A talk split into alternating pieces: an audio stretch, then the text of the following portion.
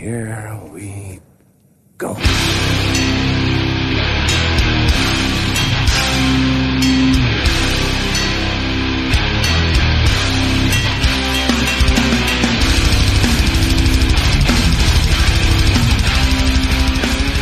Ja men sådär och då säger vi välkomna till avsnitt 118 av Nere på Noll Podcast. Jag, Robin Lindblad, sitter här med Danne Nätterdal. Hej!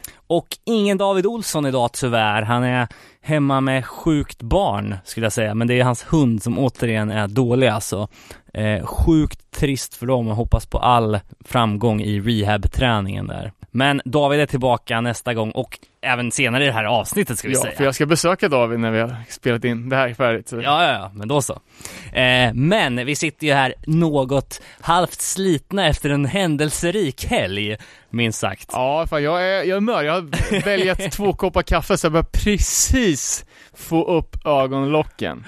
Det är kul för att eh, det som hände i lördags var ju fan eh, ganska många månader in the making. Jag tror att planeringen startade i eh, bilen på väg upp till Youth of Today och eh, Shelter-gigget. Vi åkte ju till Youth of Today då eh, i början av november och jag har för mig att tanken kom när, när David frågade dig så här, åh vad fan, ska du ha någon fest eller du fyller 40 snart? Så du bara nej, och sen så pratade jag med Lisa och då, då hade, hade hon frågat dig också, du hade sagt så här typ, ja men vilka ska man bjuda? Det kanske inte kommer komma någon och då bara, fan det är klart att vi måste, vi måste liksom eh, göra något här. Så, eh, så, så då blev det en, eh, en överraskningsfest som otroligt nog höll ihop ända till, till slutet. Eh, alltså jag hade inte en aning. Inte en aning. och du började inte ens misstänka något när jag stod där ute, Nej. helt apropå. Nej men precis. För, för jag eh, hade ju blivit uppbokad på heldagsdate. Så jag, jag spenderar ju eh, förmiddagen på ett spa med eh, en timmas stenhård finsk massage tortyr. Så jag var ju liksom som en jävla amöba i kroppen, helt ledbruten. Eh, sen, hade, sen var vi och käkade libanesisk 16 rätters avsmakningsmeny. Åh så på det så var man ju mätt bortom alla gränser. Eh, och var på väg, glad i hågen för att gå, gå och kolla på tre stand-up-akter för att avsluta kvällen. Och helt plötsligt står du på på trottoaren en dag tidigare, vi skulle ju podda dagen efter. Mm. Jaha, han är här. Eh, kommer fram, tja, vad, vad gör du? Nej men jag ska spela in video här med popbandet. Jag bara, har inte ni lagt ner? Nej, nej, nej, vi kör på, kom med här, vi, har ni en kvart över så, här, så kom ner och, och, säg hej bara. Så ner då i trappan på klassisk mark får man väl ändå säga. Ja, B-salen där man har vevat så många gånger förut. Eh, Och det första jag ser i trappen är ju en, en utprintad klassisk hardcore-affisch om ett Dead Kennedys gig. Och jag tänker bara, men det här är någon rekvisita inför pop-videoinspelningen, fett att de ändå är lite shoutout till klassisk hardcore. Tänkte vara lite dryg och kommentera på att, att den här affischen satt uppsatt med DC Shoes tape. Alltså, DC fanns ju inte samtidigt som Dead Kennedys, så här blir ju en, liksom en diskrepans. det blir fel i, i verkligheten. Och när jag kommer liksom halvvägs nerför trappen så bara, ett jävla vrål! Alltså, jag fattar ingenting. Hela, hela liksom B-salen är fylld med folk som bara sjunger och det är blixtar och telefoner och jag ser liksom varenda jävla människa jag känner står i det här rummet. Alltså, Alltså, jag, första tanken bara det här är för mycket, jag vänder. för jag hade liksom, hela den här 40-årsgrejen, jag hade ju mörkat det lite. Vissa gör ju liksom stor grej, ja jag vet, fyller jämt och Mm, jag har inte varit helt bekväm med det här liksom. nej, Fan ska man ringa runt och bara kom och hylla mig liksom, nej fan det är inte, ligger inte för mig liksom. Och sen bara, ah, det var så mycket folk liksom. Fa- Familj, vänner, folk i hardcore-scenen, skatepolare, mitt, alltså skategäng, alltså, det var så mycket folk. Alla människor man kan tänka sig står där liksom och sjunger och, ja, jag var, alltså, hade jag inte varit så chockad så hade jag börjat grina för det var liksom ja, så jävla mäktigt. Mm. Folk åkte ju från både Stockholm och alltså. Uppsala och Sala, Västerås, Ja, exakt. Växjö, alltså det var ju, nej, det var ju helt, helt otrolig uppslutning och när jag, jag skrev upp sen i, eh, en, på vilka som hade varit där i, i den här minnesboken som jag fick också. Eh, och det var ju liksom, bara ur minnet så var det 80 namn. Mm. Så det är, ja, det är helt, helt otroligt och folk liksom gick upp och höll tal och sa så extremt fina saker. Jag var ju så, så jag är helt skakig på händerna bara pratar om det, men så djupt rörd och hedrad alltså att Ja, så grymt tacksam för dig, till dig och David som har styrt upp det här och alla som slöt upp och liksom band som spelar, fan Reunion, Path of No Return, liksom, så, alltså Ja men verkligen, sjukt bra också Ja. alltså. Fan, eh, det hade inte gått en dag sedan 2002 typ, kändes det som. Nej, och liksom, det är ju ett band som har betytt extremt mycket för mig, liksom, ex, förut, utom att de är några av mina närmsta vänner så är det ju också ett av, fan, bästa banden. Så på den tiden var ju, ja det var ju, det var ju en underbar tid när man fick hänga med Path Return, när vi på deras gigs liksom hade en minibuss som var ett, följ, en följebuss. Ja, Som bara drog och morsade på alla deras gigs liksom, och det här var ju en tid innan morsen var introducerad i Sverige, så liksom 99% av de som vi de som, eh, som var i publiken hade ju aldrig sett något liknande liksom. Så det var ju liksom så här bara en jävla No Return cirkus. Det var innan Vane, men efter Earth Crisis, så det var därifrån jag hade fått den här Mosh Crew Ja men precis, ja, det, var ju, det var ju faktiskt lite så liksom, att vi hade så en jävla stark scen och att vi och, när det spelade band på skylten så kunde vi åka två minibussar, det var inga, inga problem liksom. Uh, alltså otroligt kul och uh, Under My Hood slash Path No Return hade repat in ett coverset med mina favoritlåtar från back in the days och nya punkbandet Revolution Ice hade, körde sin första gig liksom. Ja, och gjorde det med bravur alltså. Grymt var det. Eh, Så ja, det var helt oförglömlig kväll och jag är så sjukt tacksam för alla som kom dit och alla som reste och, ja, ni, jag hoppas att ni vet hur mycket det här betyder för mig. Eh, Säkert många som lyssnar som, som har varit med på det här så stort, stort jävla tack till er och till alla som var med på det här. Ja, det var succé alltså, det är askul, men man känner sviterna av det, man, man känner att man är inte 20 längre när man har Nej, inte 30 heller uppenbarligen. Nej fan, jag var så jävla sen och jag var ju dessutom nykter så jag har ingen bakfylla att skylla på men jag Fan var så jävla sliten. Åt lite chips till kvällsmat till söndag för jag pallar liksom inte mer och jag har varit fan rätt hängig dag med. Det var liksom så, först den här jävla massagen tror jag och sen den jävla, alltså det är ju lite posttraumatiskt Ja, stresssyndrom för jag har varit helt liksom mentalt och känslomässigt Ja men det blir ju så, alltså. omkullkastad liksom. Men det är det som var så kul med boken också, för det var så många som skrev i den och det blir ju också så här Ja. minne. Men sen så, eh, det var ju alltså extra shoutout till, till Andy Ljungman eh, som var där och fotade liksom. Ja, jag sa skicka en, en bild nu bara, ja, alltså typ är det okej om de ser ut så här? Jag jobbar lite med färgerna. Åh, alltså vad ska jag, hur ska jag kunna, hur ska jag kunna åtgärda, eller som åtgärda det här? Vad, vad, men, nej men alltså, det är ju, det var ju jävligt, alltså det var ju bara kul att, att liksom se att, att folk hade, alltså samlades upp kring Ja. och hylla en person i scenen liksom på det här sättet. Ja det var fint, det är fint. Ja. Eh, Känns som att jag har jävligt mycket överraskningsfester att planera här. Ta igen det här. Men, eh, men, eh, alltså återigen, alltså man får ju en chans att också besöka Path of No Return backkatalogen nu. Jag kommer ihåg fan en av de första grejerna jag såg i mitt, mitt eget musicerande, det var ju en gammal Path of No Return bild när de sitter avdäckade på någon eh, parkbänk efter någon lång turné, typ, ska med tåget. Eh, sitter i eh, Ja, precis. Eh, Jättestor Rovdjursstudion. affisch där. Ja. Ja, men jag tror jag aldrig han se, han se Pat någon gång innan de la ner. De spelade på något buller typ, men sen, sen har det Ja. inte Nej varit men vi kollade, det satt ju, ni hade ju satt upp gamla spelningsaffischer, Ja. då var det liksom ett gig som vi tror är ett av Path Returns sista, det var ju från 2006. Ja, Så ja, fan, time flies, verkligen. Time flies. Eh, och idag då, vi ska hoppa in på lite plattor eh, med band som ja men började ganska skakigt men sen tog en bra vändning.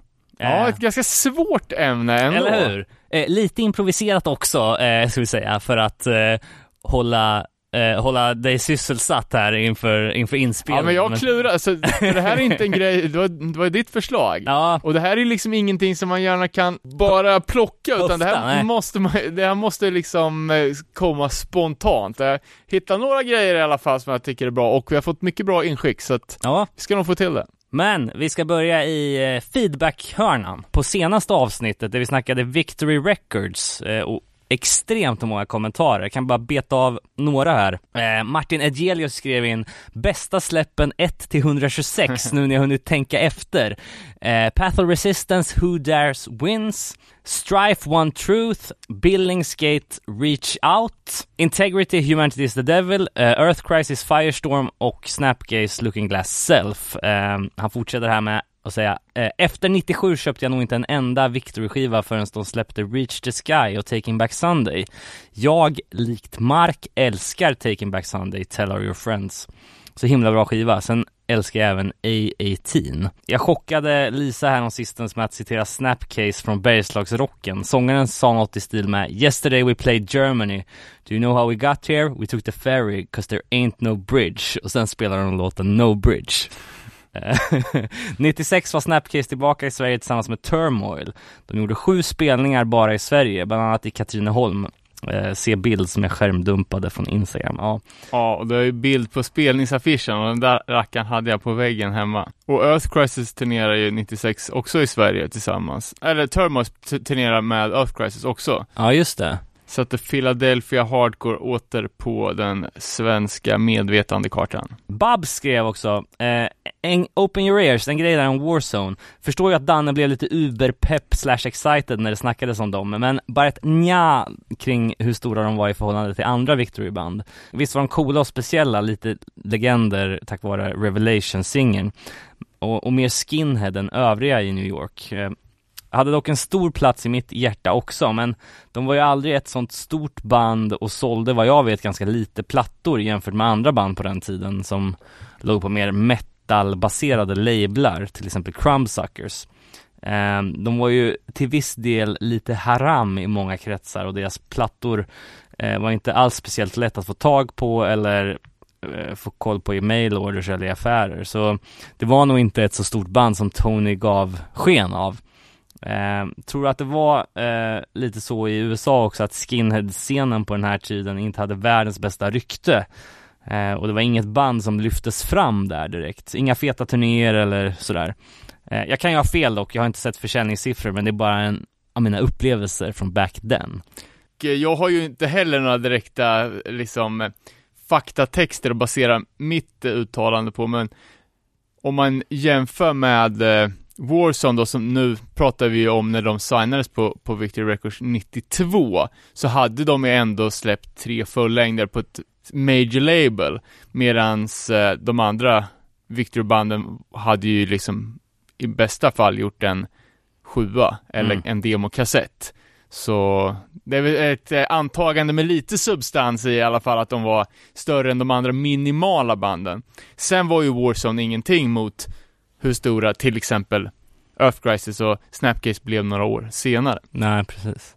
Eh, Han skrev också lite om eh, eh, den här, eh, vi pratade om Refused som eh, låg på licens eventuellt på, på Victory Record från Star Trek, så han skrev att vi var ju delvis lite med i Refused-setupen och har pejl på den biten. Det var Star Treks och Fred Holmgren som styrde upp Eh, deal via WeBite i Tyskland, som gjorde de tidiga Victory-släppen i Europa. Ingen fantastisk deal direkt, ett understatement. Men låt oss säga att Tony inte var helt 100% med att betala royalties annat. Lite kul story som Mechanicals versus Merchandise Royalties. Eh, en sak i sammanhanget. Måste slå mig på bröstet för att vara ett av de få bolagen som fixar tillbaka rättigheter från Victory. Helt enkelt så kände jag Tony, eh, och jag, Burning Heart och Epitaph joinade forces. Räckte med ett brev från mig och ett tämligen snällt brev från Epitaphs advokat så tog vi tillbaka rättigheterna till Songs to Fan från Tony åt Star Trek Spreada, så han kunde licensiera det till Burning Heart. Shit. Utan någon form av Tony Rage-ilska. Och det var typ unheard of, då i alla fall. Bulldog-musklerna hade inte en chans. så där blev han tilltryckt, eh, Tony, från bland annat svenskt håll då. Det är intressant. Ja, vidare så, eh, Johan Asplund skrev angående Snapcase i Karlstad. De och Turmoil spelade med 3-4 Karlstadband, Remount, Barricade etc. på Café Cinema 96. Fin, fin spelning. När gör vi Karlstad-specialen? Det måste ju fan bli alltså. Sen så, eh, Axel Statin skrev en hel del om Duncan Barlow från Endpoint Gylt och lite andra band. Eh, om bråket med Floor Punch och om att vara på Victory Records. Det finns massa skärmdumpar från, jag vet inte riktigt vilken bok det är, men som han har laddat, laddat upp här på kommentatorsfältet. Vidare så skriver Mark, eh, tack för att ni nämner Buried Alive, The Death of Your Perfect World, en av mina absoluta favorit hardcore-skivor någonsin. Scott Vogels sång har aldrig låtit bättre, eh, han sjunger lite mörkare på just den här skivan och så är sjukt tight. Morsig breakdown hardcore med små twistar hela tiden. Fill och krumilurer som bryter av crunchet. Producerad av Steve Evets, vilket hörs på det underbara trumljudet, den absolut bästa som Scott Vogel varit en del av. Och åter då angående till Floor Punch, eh, By the Grace of God beefen, så skriver Jens Karlsson. När Floor Punch spelade på Outbreak för två år sedan, så shoutoutade Porter ut By the Grace of God och sa typ 'Fuck them forever' eller någonting liknande innan de spelade The Answer. Kul att det fortfarande hänger kvar. Eh, och där skrev ju någon även att The Answer handlade om, om beefet med By the Grace of God. Ja, Staffan Hamrin skrev också, viktigt avsnitt, fan vad Victory var svårslaget i ungdomsåren. Vill bara snabbt flika in att både Snapcase och Earth Crisis har spelat i Linköping, på skylten såklart. Körde en intervju med Daryl i Snapcase där pulsen gick upp bra på mitt fanboy 16-åriga hjärta när han ville ta en bild med mig. Kommer hem och såklart har jag inte satt i rullen i kameran. Miss Pepp. Oh no. Mm. Eh, Therese skrev, eh, tack för ett sjukt bra avsnitt, blev alldeles nostalgisk och varm i själen. Det här avsnittet sammanfattade på något sätt många år av ens liv. Boys Sets Fire After the Eulogy är enligt mig en av världens bästa skivor och jag gillar att Mark tog upp det där med Jamie Justa och Catch 22 Gillade det här inslaget överlag för det tog upp en annan sida av klassiska Victory. Saknade dock Shutdown och No Innocent Victim. Men gillar att ni nämnde Life Cycle. Vad hände med dem by the way? Blev det bara en skiva? Riktigt sk grym skiva dock. Jag vet inte om någon svarade på på det, men... Eh, ja, jag vet faktiskt inte. Eller, det bandet Life Cycle bytte ju namn till Even Score, de släppte ju en sjua. Ja, okej. Okay. Eh, vi får researcha lite på det här. Ja, och det är kul också att hon tar upp Mark där, för Mark kommer ju göra lite inhopp i podden här framöver med en egen liten krönika i varje avsnitt, vilket vi är sjukt peppade på. Don Johansson skrev, tack för ett så bra avsnitt, jag hade lätt kunnat lyssna på er i tre timmar till. Så fint att Claes lyfte By the Grace of God, älskar allt Rob Pennington släppt på skiva har dock ej hört Death Wish slash Crane-splitten. Och I Will Not Bow Down snurrade många gånger i min bärbara CD-spelare på väg hem med skolbussen när livet sög som mest. Eh, fint. Jag tycker det är så jävla kul, det är ju en sån jävla tids, eh, tidsmarkör liksom att folk ja men CD-freestyles och skolbussar och sånt där. Det, det, är ju, det är inte bara, det är inte bara jag som har växt upp med den här nej, skiten. Nej, nej, liksom. fan. Det är, det är kul att tänka, tänka sig tillbaka till, till den tiden liksom när man var ung och oförstörd och... Ja verkligen, och fick hålla CD-spelaren i luften för att skivan inte skulle hoppa så att det hackade i, i Liksom. Eh, Axel Statin avslutar med att skriva, jag har tipsat om dessa tidigare i eftersnacksgruppen, men vill man ha hela Earth Crisis storyn så rekommenderar jag de avsnitt som 100 words or less gjorde med Shane Durgy eh, från Framework och Earth Crisis eh, och även Scott Kraus samt de tre avsnitt som Holy Mountain gjorde med Scott Kraus. Eh, så det finns länkat i tråden. Ja, det var lite feedback. Vi jobbar ju också med nyheter, eller lite hänt i veckan. Eh, så vi kan väl börja där kanske. Ska vi börja i den tråkiga hörnan kanske?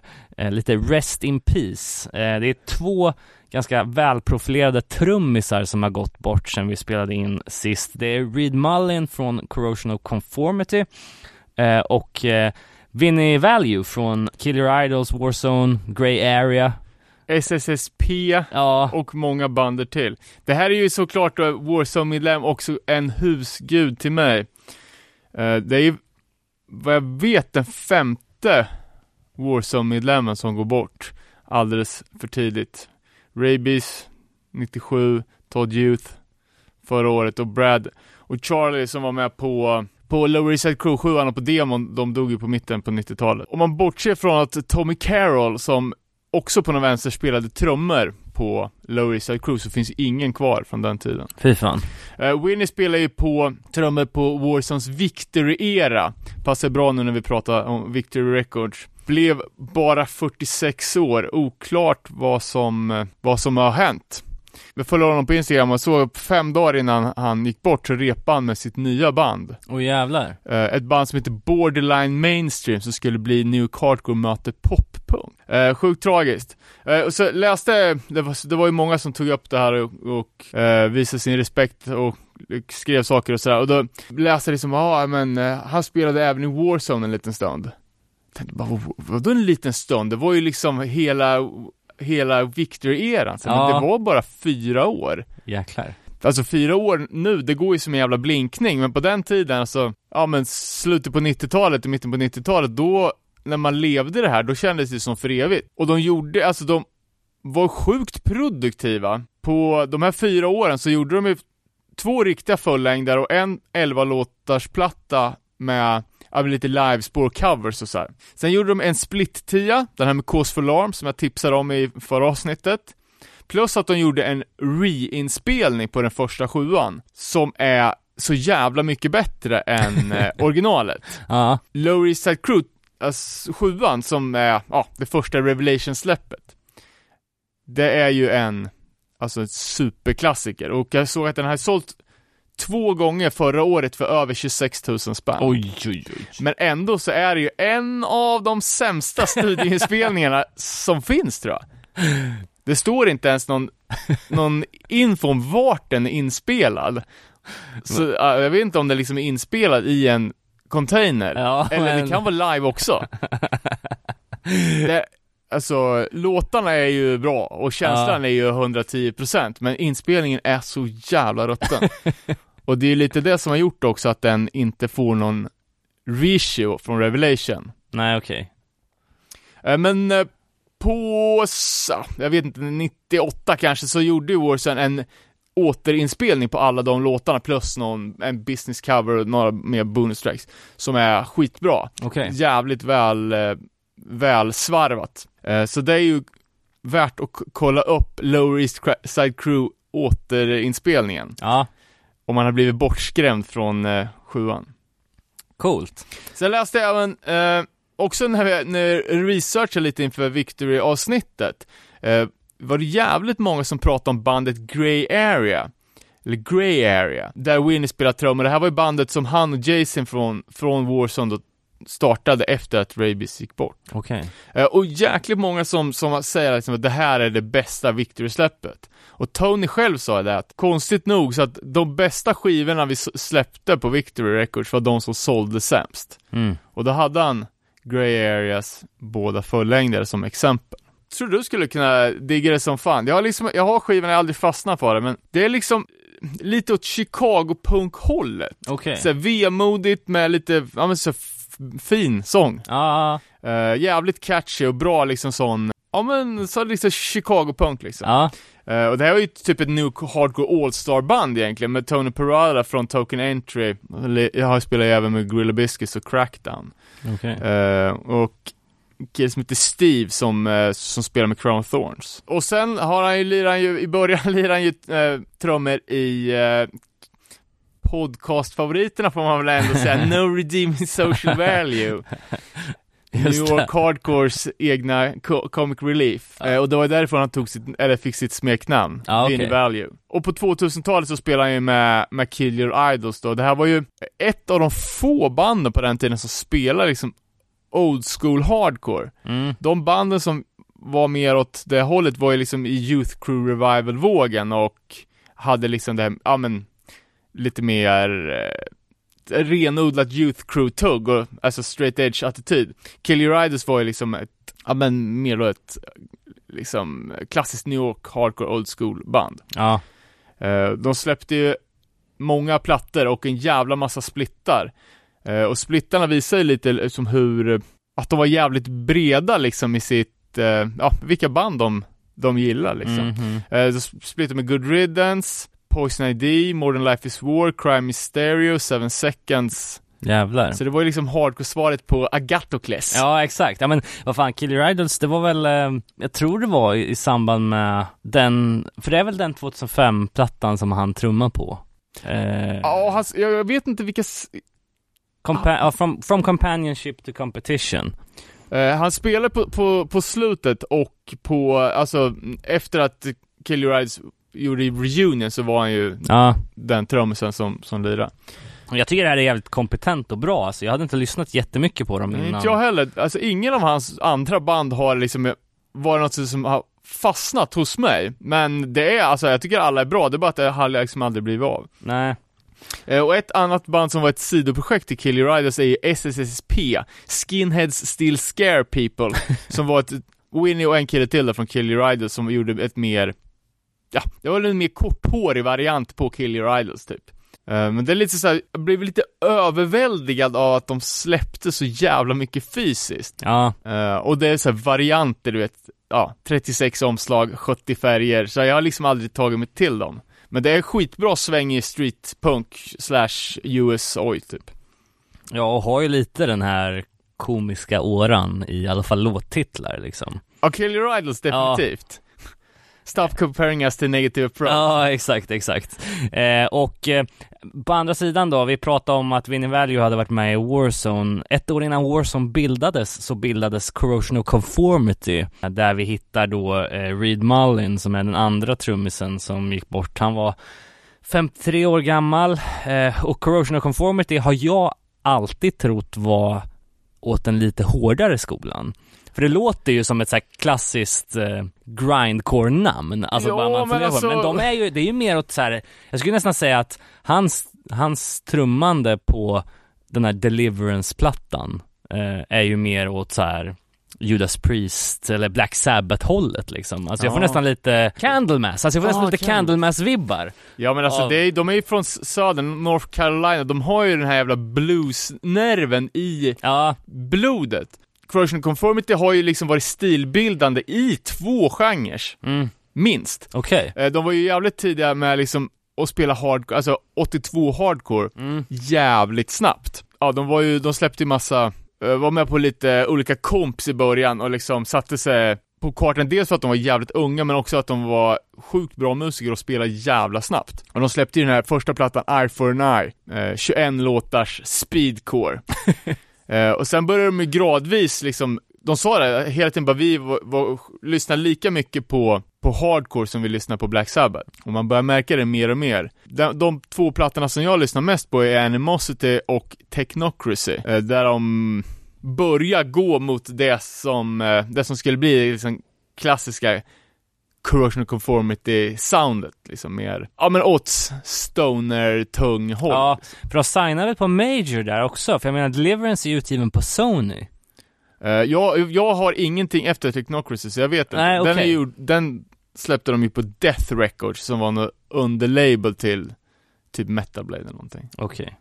Men jag läste även att Dave Grohl gick ut när, på den tiden när, när Nirvana var världens största rockband, hade Dave Grohl sagt att eh, hans största inspiration var Reed Mullen och att han hade rippat sitt trumspel rakt av därifrån. Ja, okej. Ja, och som, eh, som mest så när Blind kom 91 så sålde de över 225 000 ex i bara USA liksom.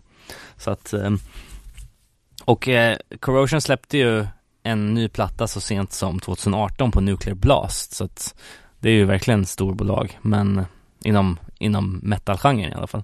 Eh, men eh, som jag förstår det så har Reed Mullin kämpat med alkoholism ganska länge och varit in och ut ur bandet. Ja, Eh, han spelade med dem 82 till 2001 och sen så droppade han ur, var på rehab, startade något eget projekt och sen kom tillbaks 2010 eh, och lirade med Corrosion fram till 2020 då. Verkligen två jävligt stilbildande trummisar liksom, alltså, och en, en stor förlust. ja, ja verkligen. Alltså det är läskigt nu. Väldigt mycket folk som, som går bort i väldigt unga år. Verkligen. Eh, och senaste nyheten var ju att, kan han heta Josh Papey, uh, basist från DRI, som gick bort bara häromdagen. Uh, som irar på Violent Pacification 7 och de två, nej inte två efterföljande, men på, eh, på Crossover-LPn eh, och på Thrash Zone. Av någon anledning så är han inte med på Deal With It som är emellan Violent Pacification och eh, Crossover, men eh, eh, jag kommer inte ihåg om vi snackade om det i, i Texas-avsnittet eller om vi valde att inte börja på det, för det är ju också ett sånt extremt legendariskt band. Eh, och precis som Corrosion of Conformity så var de ju stilbildande i flera genrer. Eh, först, samma, samma där, liksom snabbhets-hardcore var ett av de här banden som tävlade om att få in flest låtar på en sjua. Och de är ju också från, från södern, från Houston, Texas. Och när de var klara med snabb hardcore så började de, ja, var ju typ ett av de första banden också som började for, formera liksom crossover-genren. Och jag tycker att de, alltså den plattan som heter Crossover är ju, det är ju typ blueprint på, alltså så här standard bra crossover-sväng Ja, ja. plattan som heter Thrash Zone anses ju av de flesta som lite löjlig. Att det blir liksom lite, nästan parodi på sig själv. Okej. Jag vet, låtar, fan de har ju, första låten handlar, fan kan den heta typ In the Pit eller någonting, sjunger Ja, de okej, liksom. Men, eh, Det var Jump the Shark lite. Ja men det är så Wild Indian from space, eh, high on weed, Ja. out to destroy, typ de, ty, den typen av texter så här. Men jag tycker att den är ganska charmig och ganska bra Mm. faktiskt. Det är en riktig reabacksklassiker, värd, värd 50 spänn om du är i en skivbutik. Eh, tråkigt, alltså fan, tre legender på en vecka typ. Lite, lite andra roligare nyheter då. Vi, eh, vi var ju inne på det här med Punkin Drublic till eh, Oslo. Eh, men vi var lite bedrövade över att det var dagen efter Social Distortion lirar i Stockholm. De spelar ju på Gröna Lund, Gröna Lund den 5 juni. Men Punkin Drublic kommer komma till Sverige, närmare bestämt Malmö, den söndagen den 7 juni. Eh, och det är då en ganska, ja, som jag har förstått det så är det fyra liksom fasta band på den här line-upen och sen lite ambulerande förbandsslots. Eh, till exempel så såg jag i Berlin att Days and Days eh, ska vara förband på Punkin Drublic, det här eh, OG-bandet, eller vad hette det? Ogle hette det väl? Ja, jag kommer inte ihåg. Ja, de- Ogle, Ogle-bandet. Men eh, i Malmö då så är det inga, inga förband annonserade än, men det blir ju NoFX, Circle Jerks, Pennywise, Face to Face. Jävligt stabil line Ja, verkligen. Alltså, fan, det vore ju kul. Och som jag förstår det så går biljetterna fort. Eh, så att, Vad är det på för ställe? eh, det är på eh, Mölleplatsen. Jag vet inte om man tänkte att de ska ha utomhus kanske, för det står Open Air. Ja. Hmm. Så att eh, så kan det vara. Jag tror att eh, en biljett ligger från 595 spänn. Mer eh, grejer då. Eh, ett av de fetaste släppen i år måste jag säga, och på länge, det är ju bandet Change, medlemmar från Betrayed, The First Step och Champion, React Records som är ute och släpper det här och de har släppt en EP nu tror jag. Jag har bara hört ett spår än så länge som heter Reason, men det är verkligen upp i min eh, min kopp te alltså. Jag trodde du skulle säga upp i min kanal. Det som ja, jag har ju bara sett eh, logotypen och det Ja, det finns en, eh, det finns en intervju med Aram från, eh, eh, från bandet. Han har spelat i eh, Betrayed och Champion och First Step och så vidare.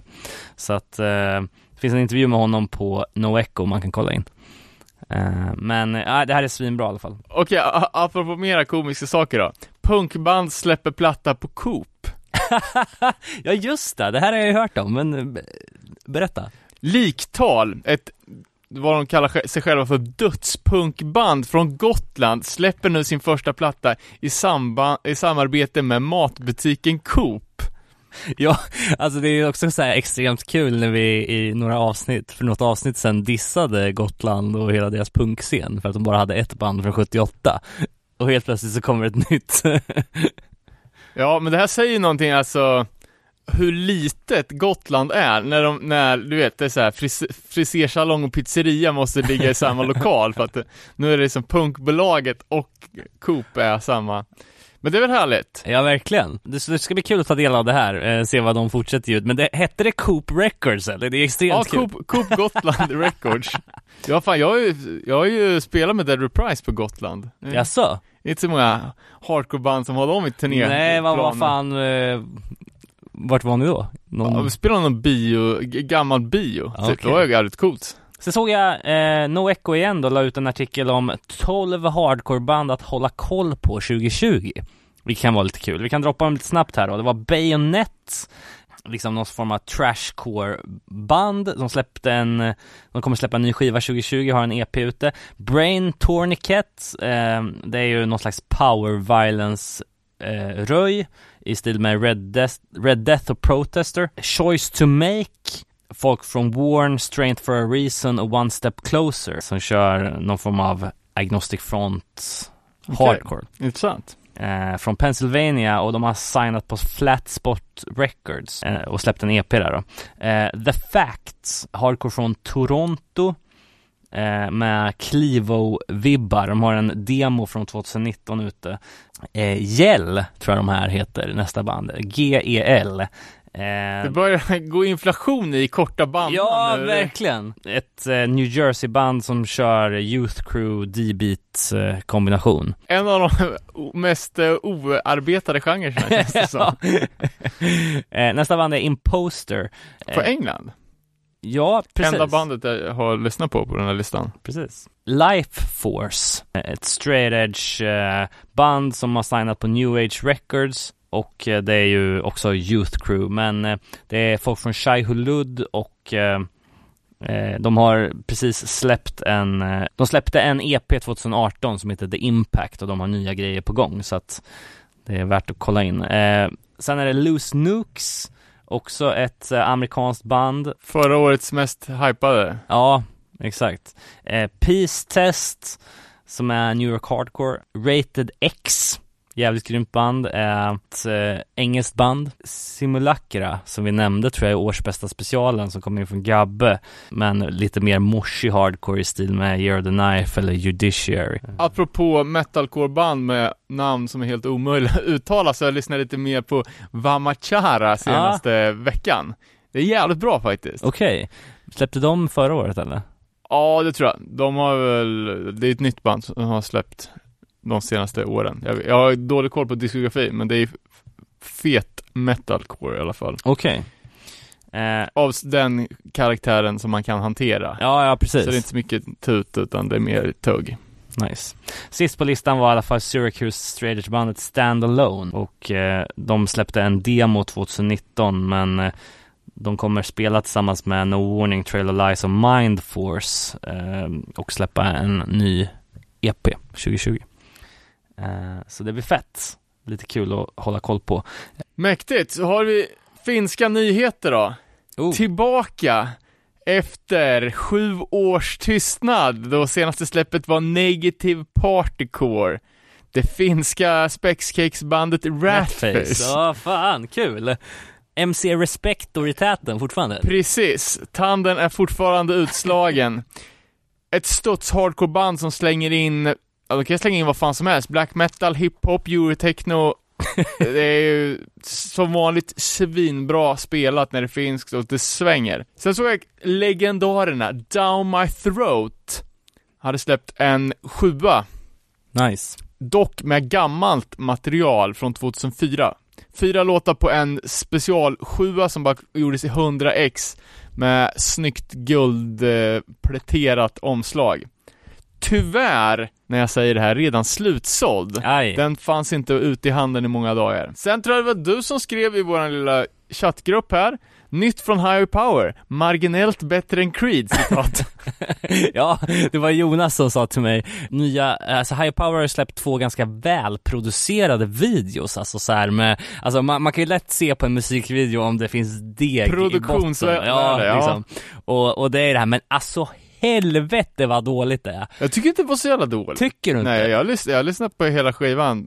Nej, jag fan alltså, jag har jättesvårt för det där. Jag gillar inte sången, alltså jag tycker sången är på tok för rispig alltså. Och mm, instrumentellt, ja det kan väl gå, men det är ändå så här, det är inte min grej det där alltså. För det kommer ju aldrig, det kommer aldrig igång riktigt. Och sen ibland så hör man de här dun dun dun dun dun dun dun, och då tänker man nu du. Men sen, nej, tillbaks till en jävla enkelt komp. Ja, det är ju liksom det jag gillar är ju att de har potential att slå. Det är ju de här med turnstyle banden, att det kan nå ut till ny publik så kidsen får något vettigt att lyssna på. Mm. Det är lite där jag, det är där jag blir mest pepp på, att jag tänker att någon annan ska kunna Ja, ja precis. digga det här. Men det är ju helt sjukt vad fan liksom allt ändå är cykliskt. Nu börjar vi komma in i grunge-vågen igen. Alltså det här är ju så jävla mycket hämtat från 94 liksom, amerikansk eh, grunge. Ja, jag har fan slarvat med min grunge-läxa så jag kan, jag, jag kan inte svara på det. Eh, såg, eller såg även, rakt ner i postboxen, eh, Misfits-boken Scream With Me som jag snackade om för ett tag sedan. Jävligt värt köp, typ 200 spänn från Adlibris. Okej. Finns förhoppningsvis att köpa på någon DIY-plattform också om man inte vill stödja major labels. Men den var i alla fall sjukt full med artefakter och coola bilder. Och med prislappen 200 spänn så är det ju ett givet köp. Jag har ju legat och småfuktat efter H1, äh, H1000-boken Mm. som, som är ute nu. Men den kostar ju fan 700 spänn med frakt. Åh jävlar. Eh, jag skrev lite med de som släppte den och bara Uh, har ni möjligtvis lagt på en nolla för mycket på frakten eller? Men jag fick till svar, bara, "Nej, tyvärr, den väger två kilo så att den är, det blir så här dyrt. Åh jävlar. Eh, men jag kan fortsätta på det här spåret då. Misfits, Danzig, Sam Hain. Det kom ju ut i veckan här att London May ska börja trumma igen. Den här gången för Ministry. Eh, han ska ut på turné då med dem. Så att eh, vill man se honom in action så kan man kolla där. Eh, sen så, ja, bara lite nya släpp. Code Orange, eh, de har ju annonserat ny platta eh, och släppt en ny låt. Eh, deras uppkommande album då Underneath släpps 13 mars. De släppte ju senast plattan Forever 2017. Eh, men har väl exploderat rätt bra sedan dess.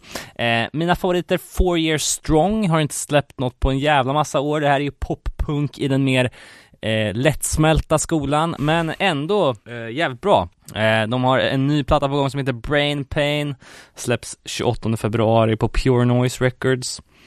Och eh, de har släppt två singlar från den då. Vidare, Napalm Death har nytt på gång. De släpper ju först en sjua då, och sen så, eh, som heter Logic Ravaged, Logic Ravaged by Brute Force.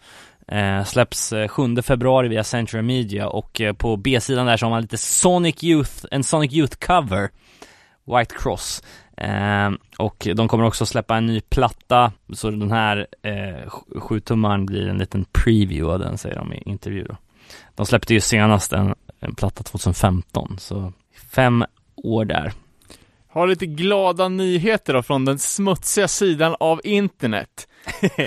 Steffen Bersak är tillbaka på Instagram med ett nytt konto.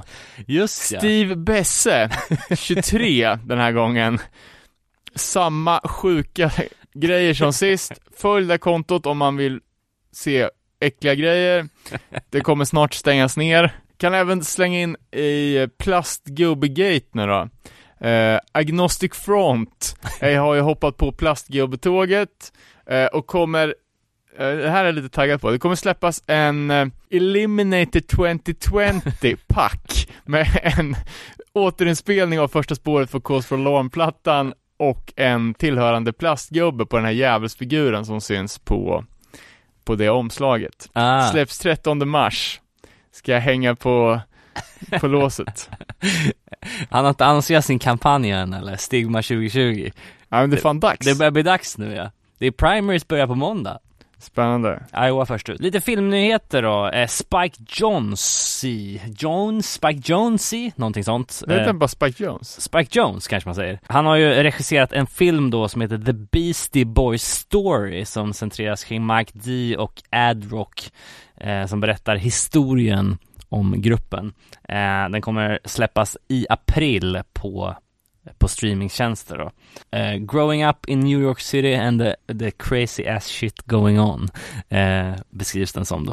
Uh, sen så har jag ett annat band som har släppt lite nya grejer. Det är intressant. Det är Alexis on Fire, ett av mina favoritband, har släppt en ny singel, Seasons of the Flood. Och det är ju alltså, de släppte sin avskedsakustiska platta 2012. De har inte släppt en enda ny låt sedan dess. Så att det här är ju så här melodiös post-hardcore. Eh, men jävligt bra. Jag gillar det. En sjuk nyhet då i korthet. Vi har ju pratat om As I Lay Dying ett antal gånger och hur sångaren Tim Lambesis hyrde en hitman för att ha ihjäl sin fru. Helt sjukt nu så headliner As I Lay Dying med, nämnde Lambesis en Impericon-grej. Det är ju fan Det är sjukt. lite märkligt alltså. Det är så jävla sjukt att du nämner det här, för jag satt och läste om As I Lay Dying idag faktiskt, på jobbet. Började liksom så läsa på om storyn och sådär. Du menar på rasten? Ja, ja såklart, såklart. Det sjuka var att jag började läsa storyn liksom så här. ja men hur, vad hände när han kom ut ur fängelset liksom? För jag, för, för jag liksom bara, vad fan hur kunde de gå Ja. med på att lira med honom igen liksom? Och det var ju en av deras medlemmar, han hade ju så här, alltså inte haft någon kontakt med honom överhuvudtaget, typ hade gått i terapi för att han hade haft så jävla mycket så här psykisk ohälsa gällande hur ja men vad som hände liksom, att han inte såg något, att han inte kunde stoppa något Ja. liksom. Men han hade tydligen så läst hans officiella ursäkt och sen gått med på en möte, ett möte och så hade Tim typ så här, ja men, Charmat sönder honom? ja men typ så här ägt faktumet att, att eh, han hade gjort som han hade gjort liksom. Eh, och det jag kom att tänka på då, inget av det han har gjort går ju någonsin att ursäkta, liksom. Nej. Eh, jag, jag, jag säger liksom inte att man ska göra det och liksom så här, men det, det är så jävla, det är så jävla, det är en sån här, det är en issue som man inte vill ta på. man Nej, vill det inte vill man prata inte. om det, för att risken är så jävla hög att man trampar i klaveret liksom. Men om man tror på brott och straff, då tror man ju också på att man kan sona sina brott. Är det inte så? Alltså att man har avtjänat sitt straff och sen liksom, sen är man ute så här. Det var, det var ja lite- men det är, det är ju väl så fängelse, straff, s- att man ska liksom ja. Och- Men sen när, när det utdömda fängelsestraffet inte står i relation till brottet, Precis. det, då blir det ju ännu skevare. Ja men För, verkligen. eh, vad gjorde han en liten, vad var det, Ja, Nå- något två- år? ja, ett år Liksom eller två, för liksom. ett, det var ju liksom ett försök till mord ja. Ja, precis. Sketchy shit, jag fattar inte hur Impericon, de är väl, vad fan är de, någon sorts eh, emo-döds eh, mailorder? Ja, ja, ja, för hur, fan. hur, hur de i dessa tider kan supporta en sån här grej? Det är som att göra Harvey Weinstein-match. Ja men verkligen, verkligen. Eh, och det, det var som så kul också, för jag, jag kollade så här typ men de har ju släppt en skiva, de har ju släppt återföreningsgrejer liksom. Och där har de ju till och med gästning från, från ett av de största banden inom metalcore-genren, August Burns Red, deras sångare. Och, och de, och, men då är det ju åter så här argumentet som används att eh, alla, för de är också ett kristet band. Ja. Så här, och då används ju det argumentet typ så här, ja han har, han har sonat liksom, han, alla har rätt till förlåtelse, bara, varför är det jävla bullshit? Så nu känns det som att de har tagits in i finrummet igen, han har ju för fan fått eh, produktionsgig liksom eh, i sin recording studio åt massa stora band och de, de åker på turné med Ja, men det är så jävla, jag tycker det är så jävla intressant ämne just det här med liksom, vi har ju pratat om det här flera gånger men eh, det är ju ständigt, ständigt aktuellt liksom, hur mycket är en person ett band, så här, ko- kollektiv bestraffning på, på hela bandet om någon har gjort något skevt, vad kan ens kompisar göra för, för någonting som är dömt om man ska fortfarande vara polare eller ska man göra, göra slut eller liksom, en av de svåraste moraliska grejerna man kan ställa sig inför. Men jag, jag var ju på och hetsa mot Money Brother och det är ju konstigt nog att det är ju typ det enda som jag har fått kritik för att ha sagt här i podden liksom. Jag vart ju fan utskälld face to face av en som tyckte att jag var så jävla dum i huvudet som kunde klaga på någon annan medan jag och mina polare minsann var likadana, vet jag, helt absurt. Och man är ju inte helt konsekvent med det här heller, för vissa band som man, som man gillar, så det är ju lätt att och, eh, säga åt SLA Dying och dra åt helvete, för jag skiter fullständigt i det bandet, men de banden som jag själv gillar, de, jag har liksom inte lasrat bort min blood för blood tatuering. Nej, precis. Så det, det är ju ett jävla, ett jävla hyckleri. Ja, och min första tatuering var, var en Emperor-tatuering till exempel. Och jag menar, eh, gamla trummisen där, Faust, suttit för mord. Eh, några har suttit för gravskändning liksom.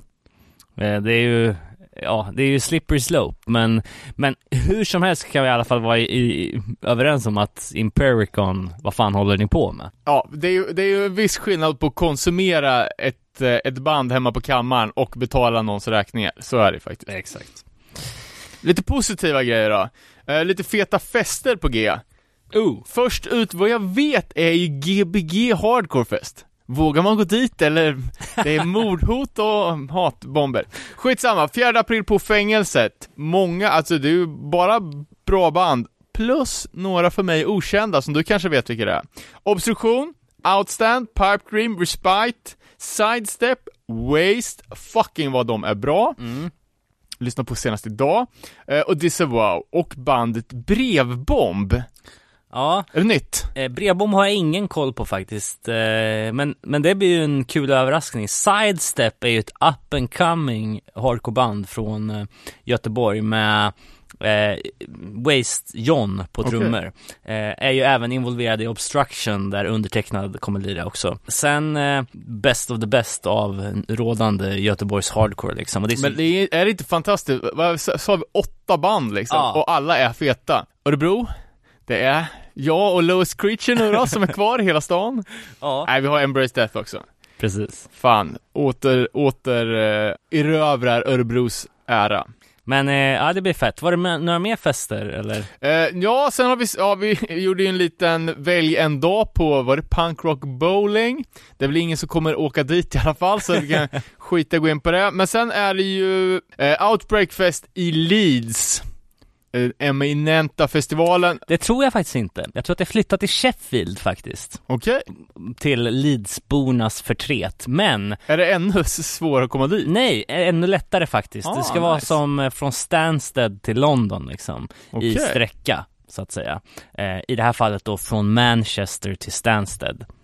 Eh, Jag förstår, intressant. eller Manchester till Sheffield menar jag. Ja, ja men det är ju fan, då kanske det är, Läge ja. ja. Eh, jävligt fet lineup. Eh, Jag har bara sett fyra band tror jag, men det var ju kvalitativa band. ja, Eh, och då framförallt kanske för mig All Out War som jag inte sett sedan 2004 eller någonting. Tillsammans med Incendiary, Trapped Under Ice och Knocked Loose. precis.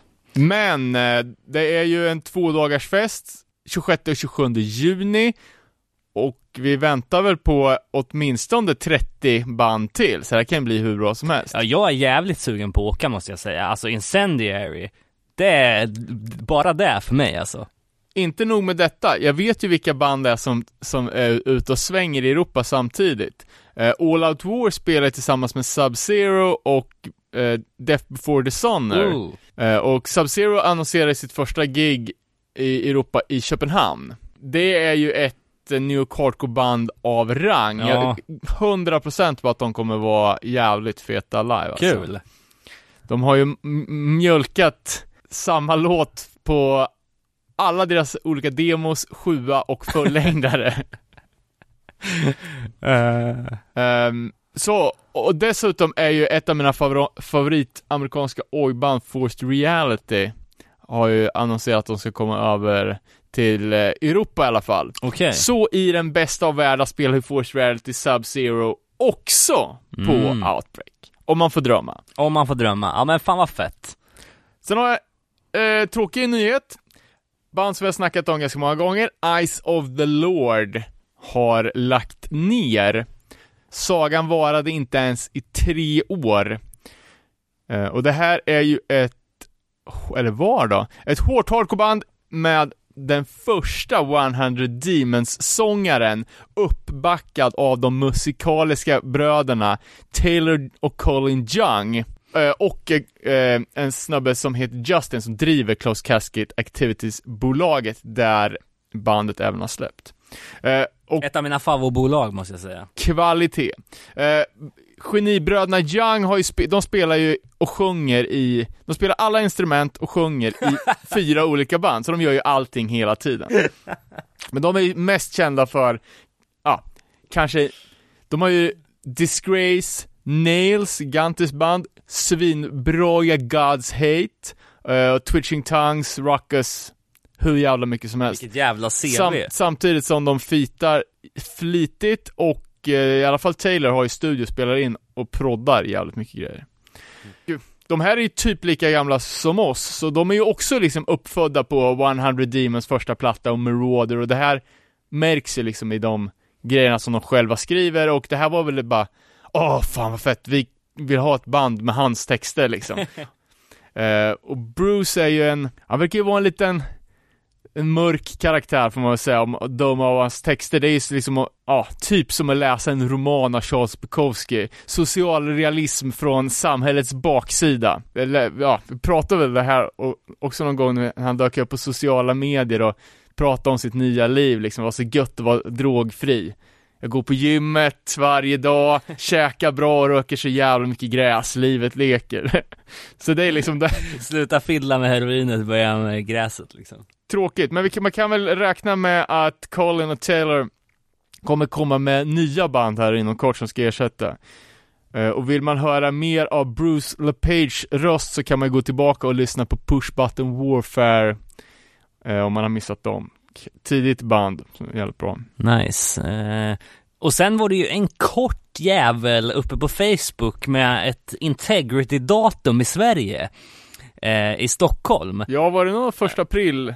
Nej, alltså som, som jag förstod det, information som jag tillskansat mig så var det ju MAD då som hade inte glömt att informera Integrity om deras eh, Skandinavien-del på turnén.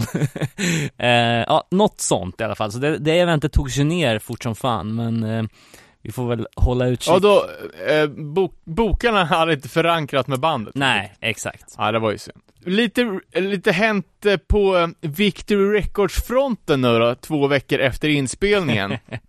New Jersey Noise-pionjärerna Dead Guy har flaggat för reunion, reunion, reunion. Eh, och eh, Strife annonserar ju att de skulle släppa re-releases, de är ju äntligen fria från Victory Records ok då. Och eh, Andrew Klein kommer släppa reissues på One Truth och Indies Defiance på sitt egna bolag War Records. Mm. 100 x stick på guld vinyl med tillhörande merch. Man blir lite sugen alltså. Ja, jag förstår det. Det lär ju spika loss på Ebay efter det. Eller Discogs snarare. Så har en eh, till grej då. Hänt i brevlådan sen sist. Vi har fått vinyler från Karlstad. Fake Legacy. Ja, jävla svängigt alltså. Jag tyckte också det var skitbra. Så tack som fan för det. Det är ju kul med nya friska band alltså. Jag vet inte om det här kanske är ett, eh, inte ens deras första släpp. Nej, utan de har, jag tror de har släppt några sjuor innan, eh, men det här är fullängdsdebuten i alla fall, och när jag sa att det lät som Satanic, är jag helt ute och cyklar då eller? Nej, det tycker jag inte. Ja, ja, men det är vä- välspelad, melankolisk punkrock, och eh, jag tycker i alla fall att det låter jävligt mycket som mellan-eran av Ja, men det har du fan rätt i. Taste the poison. Eh, Sjukt bra, alltså det är så kul att få skivor skickat till sig så här helt ovetandes eftersom jag hade aldrig plockat upp den, för jag tycker att omslaget är ganska svagt. Ja, Men när man väl får den och ger den en chans så är det helt plötsligt svinbra. verkligen. Fake Legacy finns på Spotify och säkert på jävligt många andra ställen också. Kolla upp. Kolla upp. Ska vi, nöja jag och gå in på eh, en ding-ding-värld kanske? Vi har då lite olika grejer här, vi får se om de håller hela vägen. Någonting som är jävligt däng, det är ju eh, James Hetfield och Metallica. Framförallt när man precis kommer ut ur rehab och eh, som första publika framträdande då rätt coolt ändå. Han åker på bilmässa och så får han i uppdrag så här, ja namnge nu de här tio olika bilarna på vår utställning. Eh, det blir då ett gäng olika namn influerade av olika hardcoreband eh, som han valde. Bland annat så döpte han en bil till Straight Edge, en till Dead Kennedy, en till Blackjack eh, eh, och så vidare. Blackjack såklart efter det svenska dansbandet. Ja, exakt. Många klassiska tolver på 80-talet. Precis. Det var lite kul. Sen eh, så såg jag att eh, eh, en person eh, har släppt, en person som heter Gordon Withers har släppt en Jawbreaker-platta, alltså en Jawbreaker coverplatta. Och det kanske inte låter så uppseendeväckande, men grejen med det här är att det är ju bara ett helt album bestående av cello-covers, alltså Nice. Jawbreaker-låtar på cello. Det är som Apocalyptica då, som gjorde Metallica-covers på cello. Exakt. Så att, ja, eh, Jag tänkte jag skulle spela in of Coral på näsflöjt. Nej, förlåt.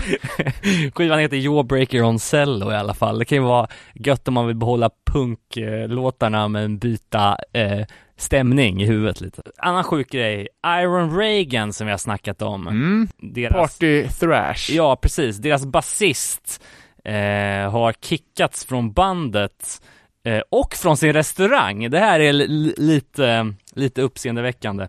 Eh, Robert Scotis då, som är bandets basist, eh, han eh, har blivit called out kan man säga, från, på ett konto då. Vi har ju snackat lite om det här Hardcore Predators-kontot som vi hade. Det finns ett liknande konto, men för restauranger, som shoutar ut så här shady business inom restaurangvärlden. Right. Och eh, Scotis är ju delägare i eh, en, eh, en restaurang som heter Cobra Cabana som då direkt tog bort honom som partner när det här kom ut och eh, Aaron Reagan kickade också honom från bandet för det var tydligen en lång historik av abuse eh, där. Shady business. Får vi se om Aaron Reagan fortsätter eller lägger ner. Sen då, det här är väl kanske bland det sjukare som någonsin har varit uppe i den här kategorin. Vi ska se här. Men rubriken här då.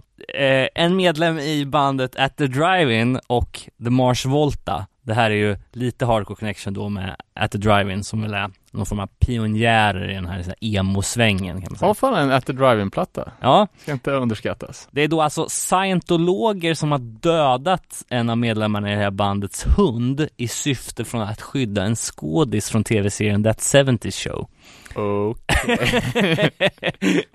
eh, ja, det här, det här är lika, lika eh, crazy som det låter, men eh, det här är alltså då Eh, om ni har sett den här dokumentären om scientologin så vet man ju att scientologer så fort de blir bemötta med kritik eh, eh, dokumentären heter ju Going Clear, så startar de någon form av så här harassment campaign i form av att man hyr privatdetektiver för att gräva upp smuts mot sina meningsmotståndare, starta hemsidor och bara allmän smutskastning liksom. De är true to the cause helt enkelt. Ja, precis. Och eh, det här bottnar då i att eh, den här medlemmen i At the Drive-In, Cedric Bixler, eh, hans fru har anklagat en av skådisarna från That 70 Show att, för sexuella övergrepp.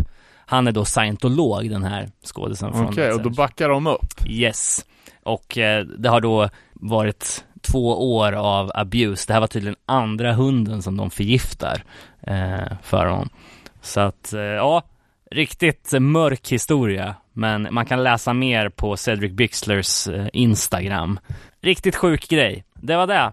Lite ding ding värld. Eh, ska vi hoppa in på veckans huvudtema? Ja, det här är, det är ju ett lite svårt tema och det är ju alltså band som gör en dålig första platta men som eh, återkommer med ett starkt andra album. Och alltså, det är ju ovanligt att det, alltså 95% av alla hardcoreband kommer ju inte ens till LP-formatet. Så att det är ju en svår uppgift och jag såg någon som kommenterade på att det här har aldrig hänt, ge mig bevis. Vi har försökt. Det har vi, och eh, jag tror att det var Martin Edgelius som skrev det, att det är ju ganska så eh, beroende av när i en bands katalog man kommer in. Alltså vi pratade ju senast på Victory-avsnittet om, om Ja, en- ja, exakt, att, att vi eh, kunde uppskatta den hatade Slither-plattan med Earth Crisis för att den kom till oss i rätt läge, men att den kanske objektivt sett inte är fullt så bra så ja, Eh, Och det är ju, det är en valid point, alltså att det är ju högst personligt.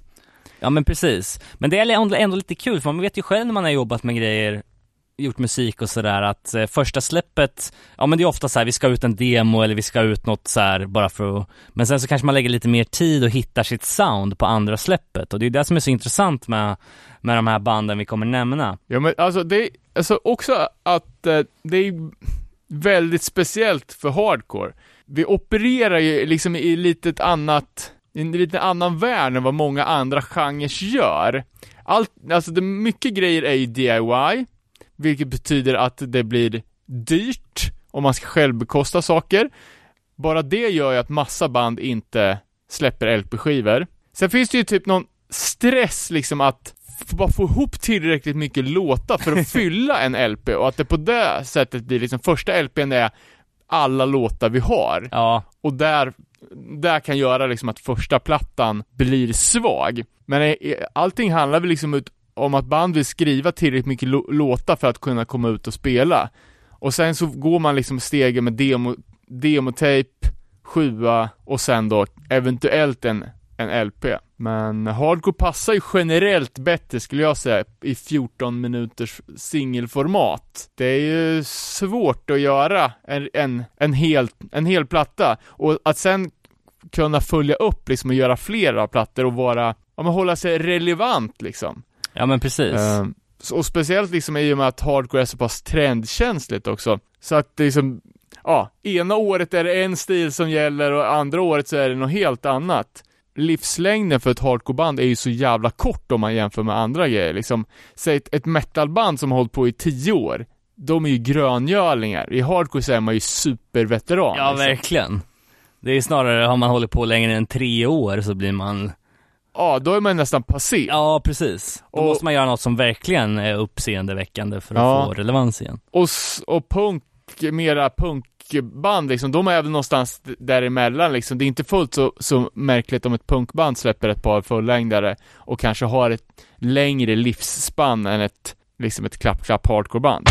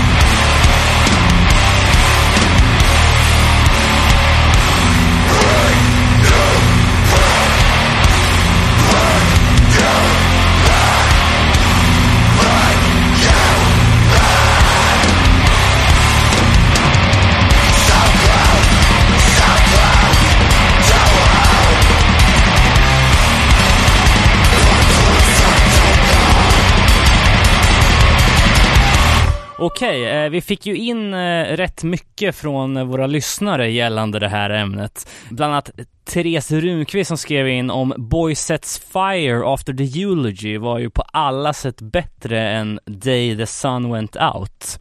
Det kan jag ju verkligen hålla med om och det skulle nog bandet själva också göra med tanke på att eh, After the Eulogy blev deras breakthrough-platta verkligen. Snacka om och liksom slå igenom Eh, också släppt på Victory Records.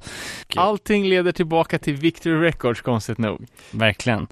Jag älskar ju verkligen spår 12 på den här plattan, Spoken Request alltså. Också lite så här omdefinierande för mig personligen med liksom så här vad melodiös hardcore-punk kan vara. Alltså den här plattan verkligen så här, definierade mitt lyssnande eh, när jag kom in på den. Och den eh, plattans största hit, Rookie, har ju varit med i liksom både wrestling-sammanhang och eh, 180 snowboarding tv-spelet och sådär. Så att skivan har ju mycket eh, genomslag så. Eh, första plattan vet jag inte riktigt hur den togs emot. Minns du någonting av eh, hur den eh, togs emot när den kom tre år tidigare där? Fan, jag har ju aldrig varit något Boys Sets Fire-fan, så jag har lite dålig koll på vad som kom vad. Men jag vet ju att, och jag har nog pratat om det här tidigare också, att One King Down fick en liten hype i Sverige. Uh, after the Geology Mm.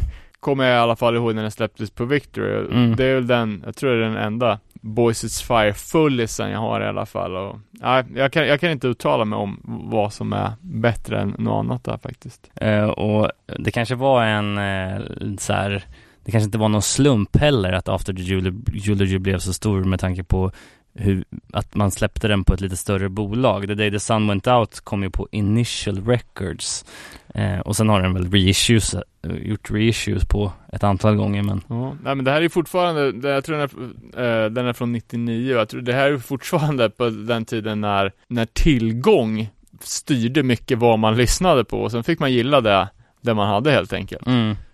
Eh, Therese fortsätter ju då med den något kontroversiella åsikten att Throwdown vände vid Haymaker. Eh, många... Ja, det får man, väl- får man väl ändå säga var en udda, udda åsikt. Mm. Fast jag tycker Haymaker är en bra platta eh, med, jämfört med vad som hände sen liksom. Eh, och Throwdown är ju ett av de banden som brukar ka- klassas in i den så kallade and roll-svängen. Eh, och, var ju ett Orange County-band som spelade, alltså, det var ju en eh, breakdown transportsträcka grej. Mer eller mindre spexigt från början och jag vet inte hur seriösa de någonsin var. Eh, första plattan heter ju så mycket som eh, Beyond Repair och det här var ett band som alltså, på den tiden så var de ju jävligt stora, alltså just den här skivan är den första plattan tycker inte jag heller är deras bästa, jag håller ju You don't have to be blood to be family family, ja. som, som den enda riktigt vassa skivan.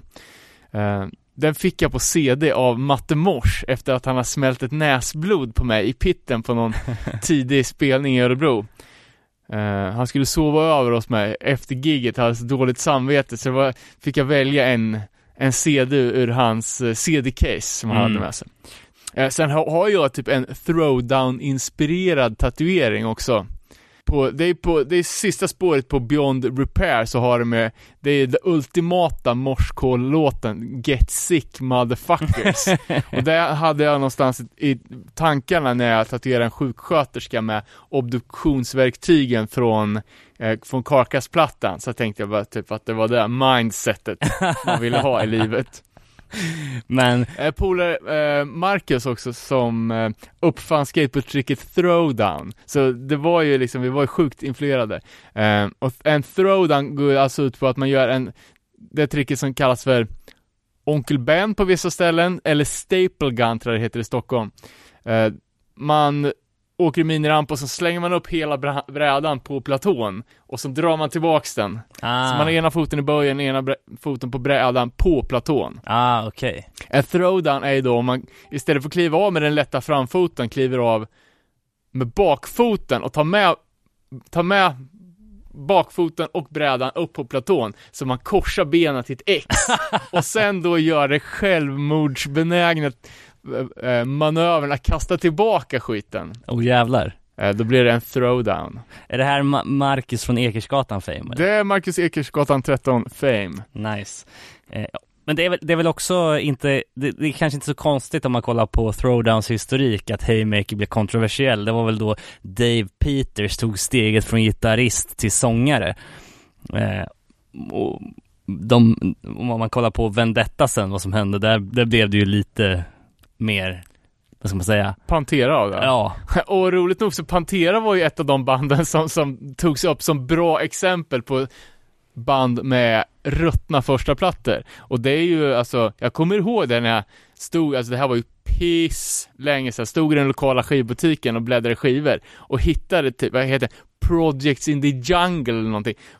Panteras, för mig då, totalt okända power metal eller så här hair metal platta. ja De släppte ju två plattor när eh, så Phil Anselmo har pudelhår.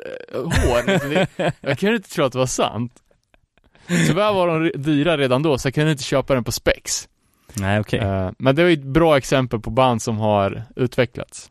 Eh, Therese nämner ju också No Innocent Victim. Jag vet inte om hon menar den första demon eller om det är Prepare for War eh, splitten. Eller Nej, kanske då- är det då- Strength? Ja, precis. Första, första fullängden Strength. Ja. Som, som, in, som hon inte tycker håller måttet, men... den är bra, men den är, det är inte som eh, Flesh and Blood LPn.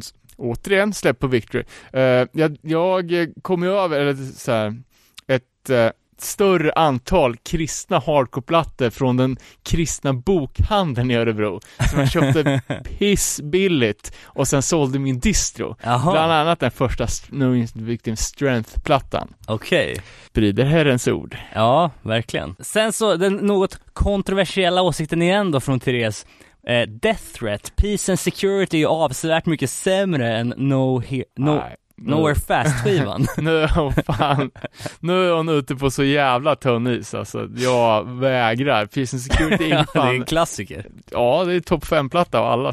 Sen tycker jag åtminstone jag att Blood for Blood var betydligt bättre på Wasted Youth Brew än på Revenge on Society.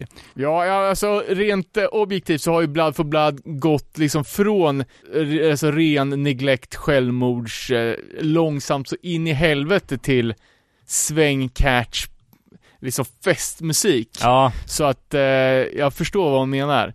Eh, osäker på om jag hå- håller med. Eh, Revenge of Society tycker jag är ju fan extremt bra. men eh, Martin Egelius nämner ju något intressant här och vi kanske kan återknyta till bandet också som han nämner för eh, det har ju liksom, det kanske inte har lika mycket att göra med eh, släppordningen som när man kommer in i ett bands backkatalog, alltså i sin eget lyssnande. Eh, och att det, det är ljudet som man har då sen sätter standarden för hur man ser på resten av ehm, Ja. deras skivor. Men, men i, i eh, Martins fall så nämner han Slapshot eh, när han lyssnar på eh, Unconsciousness och även då Blast Furnace som väl är Slapshots lite mer heavy metal-era kan man säga. Ja, ja det, är ju, jag skulle gissa på att om man gjorde en eh, statistisk undersökning så skulle nog ingen eh, sätta dem högst. Nej, är kul för att första gången jag hörde Slapshot var ju, det var ju på någon av de här videokompsen som, var det Hopeless Records gjorde? Cinema Beer Nuts och Cinema Beer Goggles okej. eh, och då hade ju Slapshot en, en video med, och det är en av låtarna från någon av de två plattorna. Och jag tyckte det var så jävla dåligt. så här, det tog liksom flera år efter det innan jag ens gav Slapshot en andra chans. Ja, men om man tänker på vad de följde upp det här med, alltså Old Time Hardcore och vad fan heter den andra? 16 Wolf Hate. Ja, exakt, exakt. 16 Ball Hate kom ju direkt efter och sen var det ju Old Time Hardcore. Old Time Hardcore vart ju väl deras revival-platta skulle jag säga. Mm. Jag vet inte hur bra 16 Valve Hate togs emot faktiskt, det var lite före min tid, men eh, den har ju aldrig getts ut på vinyl förrän förra året, typ, så att eh, efterfrågan har inte varit svinhög. Men när Old Time Hardcore kom ut, var det på Century Media eh, och Tang i USA, så då slog det in som fan. Mm. Men eh, ska man snacka Slapshot, deras prime var ju fortfarande deras första släpp. Liksom. Mm. Första plattorna.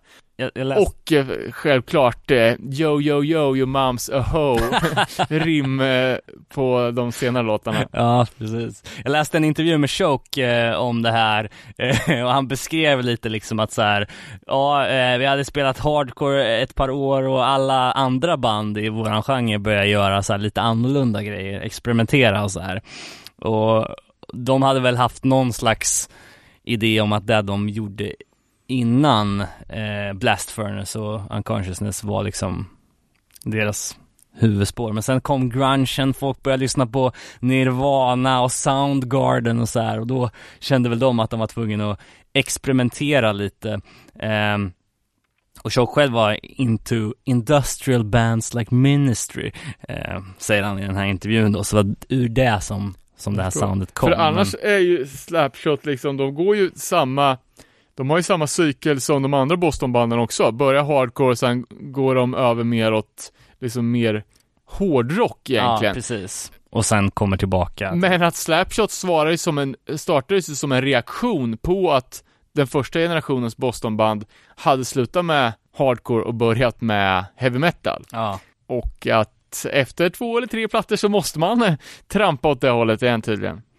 Men Choke säger att han skyller på sig själv också för att de tog de här utsvängningarna för att han blev så påverkad. Det, det var, när de släppte 16 Volt Hate så hade de ju fått tillbaka sin första trummis också. Um, Mark. Ja. Världens bästa three-piece drummer. Eh, och då liksom var det back to the roots liksom. Eh, men han säger själv att det är mitt fel att det låter piss och jag förstår att folk inte gillar det. Jag tycker, jag tycker det inte är, är helt olyssningsbart om jag ska vara helt ärlig.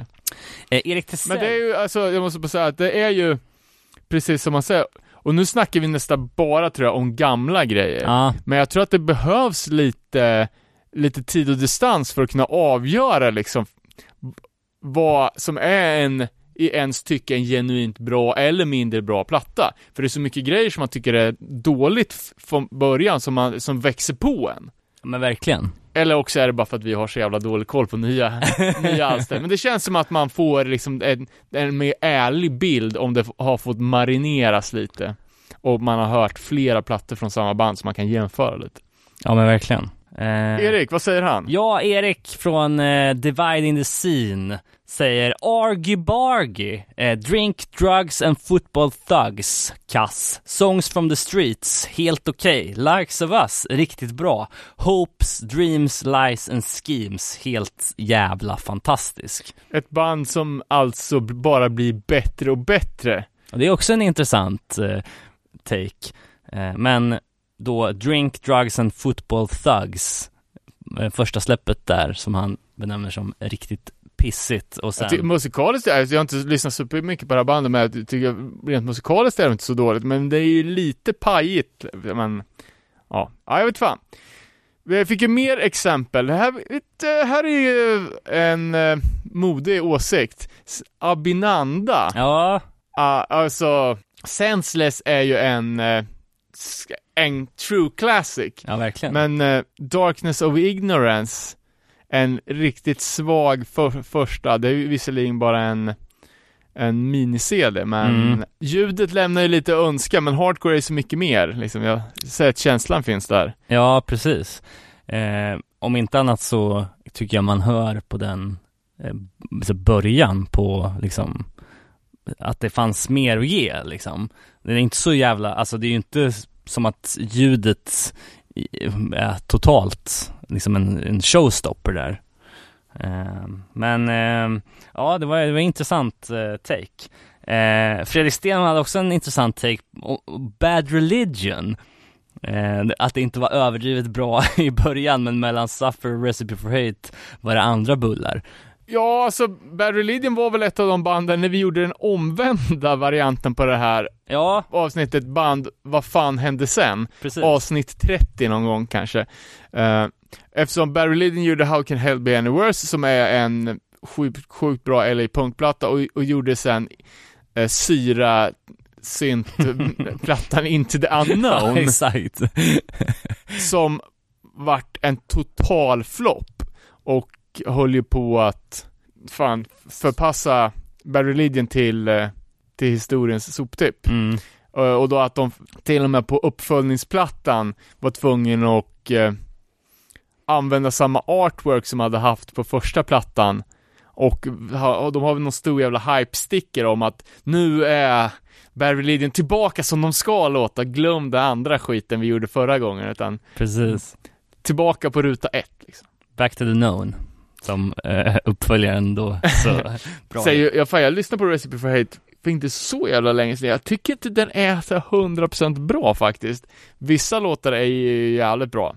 Ja. Och generellt är Barry Lyndon ett jävla magiskt bra band, men mm, vet du fan, det finns en anledning till att det är den enda Barry Lyndon-plattan jag inte har fram Mm. tills 94. eh, ja, Marcus Kjellman gav två exempel. Ett som du ska gå in på lite senare med Unbroken. Men eh, Lifetime, Hello Bastards är mycket bättre än Background. Ja, jag, här är jag beredd att hålla med. Det är ju bra plockat, för det här är väl två lysande exempel på, på band som faktiskt har blivit mycket bättre. Mm. Eh, tyvärr är, är ju Background den enda Lifetime-plattan jag har, och den är ju jävligt slätstruken.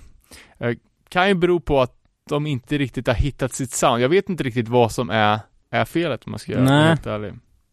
Eh, men de kommande eh, Lifetime-plattorna, Hello Bastards och New Jerseys Best Dancers är ju pissbra. Jag håller med. Brukar alltid stämplas som emo, men det är ju fan snarare hardcore punk. Ja, Så jävla, det är ju väldigt speciell röst. Som är jävligt nice. ett, eh, ett annat band då som, eh, som jag vet att du har varit lite inne på, det är ju Steel Nation. Ja, men här har vi fan, det här har vi ett typexempel på band som var dåliga i början och som sen blev bra. Och då tänker du på eh, första fullängdaren Soul Swallower, eller? Det gör jag. Ja. Uh, Steel Nation är ett tungt hardcore, hardcore-band från Pittsburgh. Uh, dum, döpta efter hockeyglaget Steelers fanclub tror jag som kallar sig för Steel Nation. Eh, och de släppte ju, de gjorde en demo 2005, men första fullängdaren Soul Swallower kom 2007. Och det första man får säga är ju att omslaget är ju brutalt osexigt. Eh, en ett- jävla demon. Ja men det är något gigereskt skit, någon, jag vet inte, är det en riddare eller är det någon jävla biomech? Jag vet inte, men den går ju liksom helt i brunt. Eh, och den här plattan, alltså det, det är en ganska tidstypiskt sound, vi snackar liksom mitten på 00-talet. Eh, går lite i linje med, ja men typ som tidiga Die Young. Eh, men den har ju ett jävligt ofett ljud. Och jag tycker att den är liksom sjukt slätstruken standard hård hardcore. Mm. Men det som gör den här plattan jävligt osvängig är ju sången. Jag tycker att liksom, det är lite det här som Scott Vogel går i den samma fälla, att det är liksom fullt skrik på alla ord hela tiden. Mm. Eh, Det blir liksom ingen dynamik i sången. Och det tillsammans med dålig produktion gör att det liksom blir, det blir inga, det blir liksom ingen dramaturgikurva utan det blir bara en flatline. Det här känns som ett klassiskt exempel på en så här ofokuserad första release liksom i att det säkert var många viljor i hur eh, musiken skulle liksom, ja, för, vara liksom och även hur omslaget skulle se ut, hur loggan skulle vara, man, alltså det känns som att det är också kan vi inte ha en pissfull riddare helt i Ja brunt? men precis, på det, brun alltså så här, bakgrund. men också man vet ju liksom alla vill leva ut sina drömmar om att få någonting printat på papper liksom, så då in med så mycket som möjligt liksom. Ja, Ja. men det vore fett med en demon för jag är uppvuxen med när LP, ja. eh, LP-plattor hade stora feta demonomslag liksom. Eh, Medan då uppföljaren Forever Wounded där man hittar både sin grafiska profil och sin ljudmässiga liksom, ja jag tycker ju Harder They Fall är bättre men alltså en peak. Ja, nej men eh, första släppet och full, full uppföljaren är ju släppta på det aningen ökända PA-bolaget Double or Nothing Records. Eh, de började väl att släppa plattan med ett av dina favoritband, Set Your Goals, eh, men var ju på allting som var ball, typ då mitten på 00-talet. De släppte med Mongoloids, Power Trip, Colin of Arabia, eh, men då var de hade ju ganska dåligt rykte, dels för att de släppte One Life Crew, en 53-låtars compilation, eh, men också att de var jävligt dåliga, eller de rippade ofta folk. De hade liksom, typ, beställ från Double or Nothing och det är 50-50 på att du får dina grejer. Speciellt om man bodde i Europa. Eh, det här hatet mot europeer är ju fan ganska vidrigt tycker jag generellt. Hur som helst, eh, tillbaka ett år senare återigen på Double or Nothing med plattan Forever Wounded. Eh, först får man väl säga att det är mycket bättre ljud. Det är jävligt klart och tydligt ljud, och hela plattan öppnar ju med ett intro med, alltså Ja, det är ett gitarrsolobaserat intro och det är ju kanske inte ett super hardcore typiskt. Men jag tycker att det lägger ett, en eh, allmän stämningsvibe över hela plattan. Eh, och jag tycker de gör det snyggt. Men det som gör att det är en så stor skillnad är ju också att, nu säger jag att de har kickat sångaren, det är ju bara någonting jag önskat men de, sångaren eh, är inte kvar. Utan nu är det gitarristen och basisten som sköter sången. Och de visar sig kunna sjunga jävligt mycket bättre Mm. än sångaren. Eh, och det är ju en sjukt o-hardcore betonad uppsättning att inte ha en lös sångare. Nej, För det är som, hardcore handlar ju typ om att spela live. Och då måste man ju ha en sångare som är inte bunden av en gitarr för Precis. att kunna härja live. Men det har inte det här gänget, utan de jobbar med, ja, det är ju tjockisar med stora skägg och flanellskjortor som skönsjunger på ett, ja men ett hårt och raspigt sätt fast de tar ton. ja och de eh, tar ju ibland ut svängarna De, också. ja, ja, absolut. De skäms ju inte en sekund. Och de, det, det är ju två, två röster som har eh, ganska olika tonlägen, men som spelar jävligt snyggt mot varandra. Ja. Den ena är lite ljusare, den andra är lite mörkare. Och dels att de, eh, ja men precis som du säger, att de tar ut svängarna. Så sången på den här plattan blir jävligt dynamisk. Mm. Från liksom lite mer brutal eh, sång, till skönare, till ljusare, till mörkare och de klipper mellan varandra och, och det som många band gör liksom att man lägger sången omlott nästan i studion, att man, att man sjunger en rad i taget och liksom bara eh, lappar ihop verserna. Så kan ju de göra och även följa upp det live i, och med att de är två stycken. Mm, precis. Och också inte att eh, liksom har man två sångare som, som bara ägnar sig åt sång, då måste man också jobba in det existensberättigandet i låtarna. Det behöver man inte göra om sångarna också spelar ett instrument, för då är man existerande även oavsett om man sjunger eller inte. Vilket, Ja, nej, men jag, jag fattar. Nej, men det är ju typ som, ja men många band med flera, typ Path Resistance eller ja, Barfight som hade åtta sångare liksom att, vad fan ska alla de här människorna göra när det inte är deras vers? Det blir en sån stage potato-varning. ja, precis. Men eh, nej, men- Steel Nation är ju också ett, vad ska man säga, det känns som att om man tänker på vad de har producerat sedan 2007 eh, så har det ju, de har ju, de har aldrig varit ett band som ger ut mycket grejer konsekvent liksom. De har släppt tre fullisar sedan de startade. Men det är Ja, de har ju gjort en sjua och en split också med den gamla, med den gamla sångaren och sen Mm. har de släppt ett par kassetter, en live-tape, en demo och kanske något mer. mm, men de har, det har alltid känts relevant. Och jag tyckte det har, Jag vet inte, jag tror att det bara känns relevant för oss alltså. Ja, kanske, men vad fan. Holiday Fall, när den kom 2015, vad fan. Jag upplevde den ändå som en, en jävligt frisk fläkt. Ja, då. absolut. Ja, men jag tror att det... Med solon Ja. och utdragna eh, refränger och liksom, alltså lika mycket som man vill stå med näven och skrika liksom metal i låtar, liksom, eller ibland, man har en känsla för att man vill Ja. göra det så här. Ah! vill man ju också ha det här tunga som man får Ja. med Steel Nation och den kombon, bra, Ja. jag. ja, men jag skulle gissa på att den här inte har eller att några av deras skivor har liksom landat brett i hardcore utan Nej, det, nej, nej. det är en viss fortfarande. klick av människor. Det är typ Örebro och Finland som gillar den här skiten. Eh, Men vi gör det passionerat. Eh, Sen liten, jag, jag vet inte om det är de som, som hade det men eh, att kalla sin musik för hardstyle. Mhm. För det var ju ett begrepp som var lite på tapeten då. Eh, jag kommer ihåg, vi, vi hade något gammalt band, så bara, ska vi, ska vi skriva Örebro hardstyle? Eh, och hardstyle är väl någon så techno subgenre tror jag. Precis som hardcore. Precis som att technon har rippat hardcore på, på sitt namn så skulle de liksom reclaima hardstyle för att definiera ett hardcore-band som var lite extra hårda liksom. Trummisen som verkar vara motorn i bandet som jag har pratat om många tillfällen, som har skickat testpressar och grejer till mig som jag är en jävla kung, har ju massa andra band. Vad de andra två eh, gitarr och bas och sånggubbarna gör, förutom Nation, vet jag inte. Det borde man ju kolla upp, de kanske har massa andra feta band.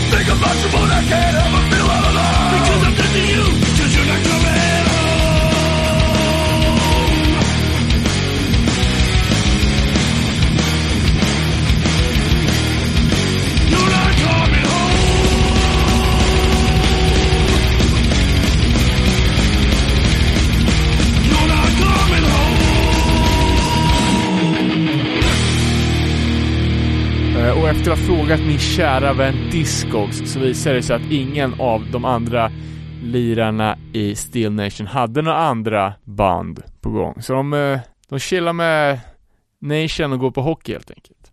Uh, nej, men jag tänkte bara snabbt toucha på Unbroken, för det är ju också ett superklassiskt, kanske ett av 90-talets mest inflytelserika och stilbildande hardcoreband.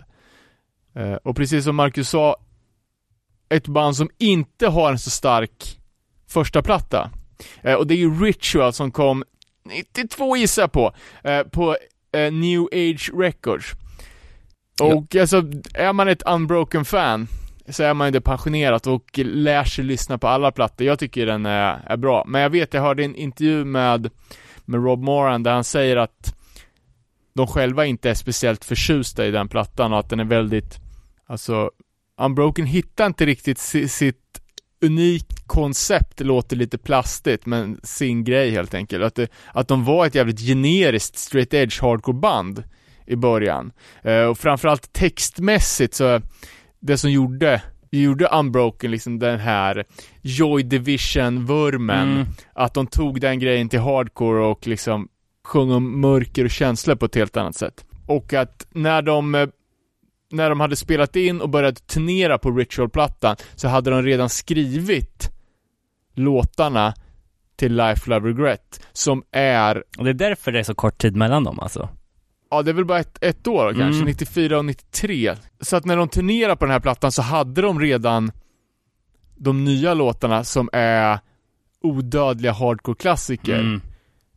Och de körde bara ett par låtar från, turné, som, från plattan som de turnerar på. Okej. Utan då körde de ändå bara nytt. Ja, det sägs ju att Unbroken har liksom, eller det är ju faktiskt så att, ehm, att de har influerat liksom, ja men, Hope Conspiracy och Throwdown som vi nämnde och American Nightmare Suicide. File, Bleeding Ja. Through, alltså så här, alltså Life, Love, Regret är ju det enda man har lyssnat på, i alla fall jag. Jag visste inte ens att han hade släppt något innan om jag ska vara ärlig. Nej, nej jag, jag var också sjukt sent på, på Ritual. Eh, Det första jag, jag hade var ju Lost and found eh, semi-bootleg mini-CD Fall on Proverb med något, eh, någon keltisk knut på framsidan. Eh, och det var ju eh, Tobbe Olsson på, som jobbar på Burning Heart Mailorden som sa bara det här är jävligt hårt, den ska du ha. Eh, och hårt som fan var det ju, fast på ett lite annat sätt liksom. Give me a razor, and with this I give my wrist a kiss of steel. De, de har väl gjort lite reunion också va? Unbroken. Spelat några spelningar på 10-talet. Ja, jag vet det var väl på den här, i samband med, med 90-tals hardcore-boken Burning Fight, så gjorde de väl några showcase-spelningar med, med ett helt vansinnig respons. Jag har Mm. aldrig sett så många lager av pylons gig. Det var typ såhär fyra, fyra våningstorn. Ja, nej men fan det är ju eh, jävla häftigt band ändå alltså.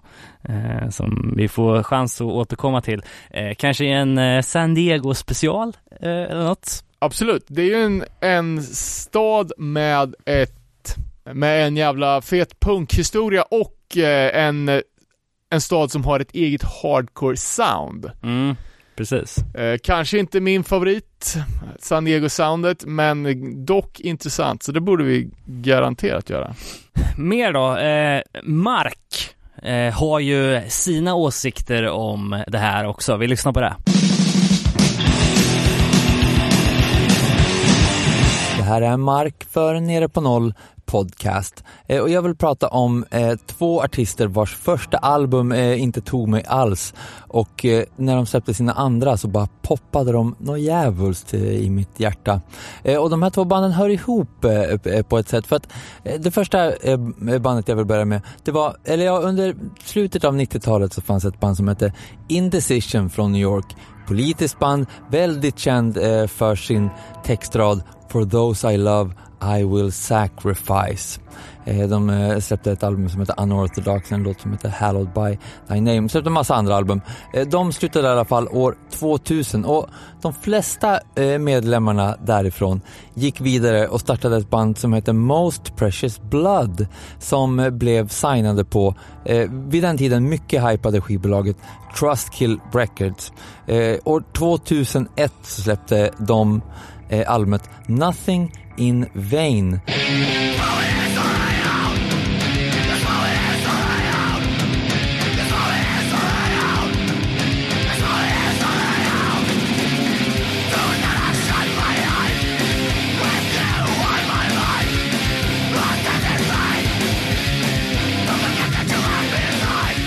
Sångaren Tom Sheehan, också från Indecision, han var med på den skivan och de spelade in den i ganska ruckiga omständigheter. Den låter jävligt cool och allt som fan men jag blev aldrig eh, tagen av den där hypen. De var jättehypade då, Most Precious Blood, det var liksom fortsättningen på Indecision och allt det där. Nothing in vain, jag bryr mig inte alls. Men bara två år senare så kom de tillbaka med sitt andra album och då med en helt ny sångare.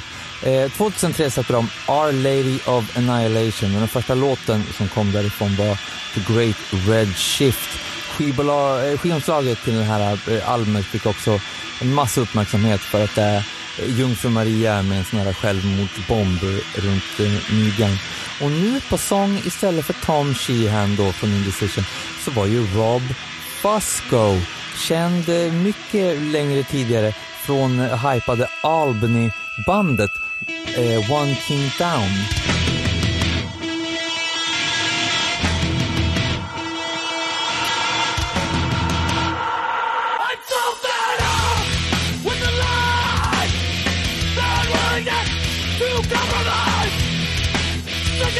Time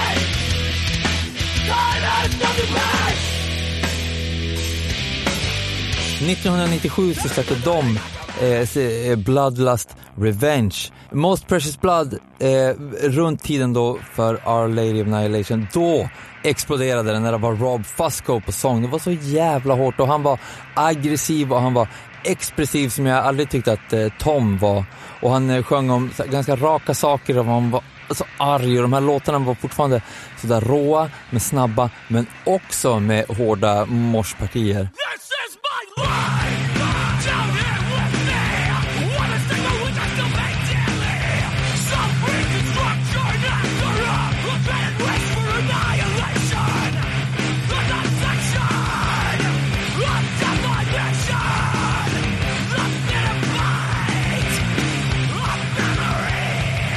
One King Down däremot, där Rob Fusco alltså eh, sjöng tidigare. De släppte alltså Bloodlust Revenge 1997 och jag eh, var inte speciellt inne på One King Down eh, runt den här tiden när de släppte det. Men bara ett år senare så hade Rob Fusco hoppat av för att han höll på att bråka med alla de där snubbarna. Eh, och istället så hoppade en Syracuse-snubbe på på sång. Egentligen tror jag inte meningen att han skulle spela så mycket live utan mer bara att han skulle, de hade redan spelat in ett album, musiken på det, men hade ingen sång. Eh, och 1998 så släppte de ett av mina, eh, än idag, bästa hardcore-album, God Loves Man Kills.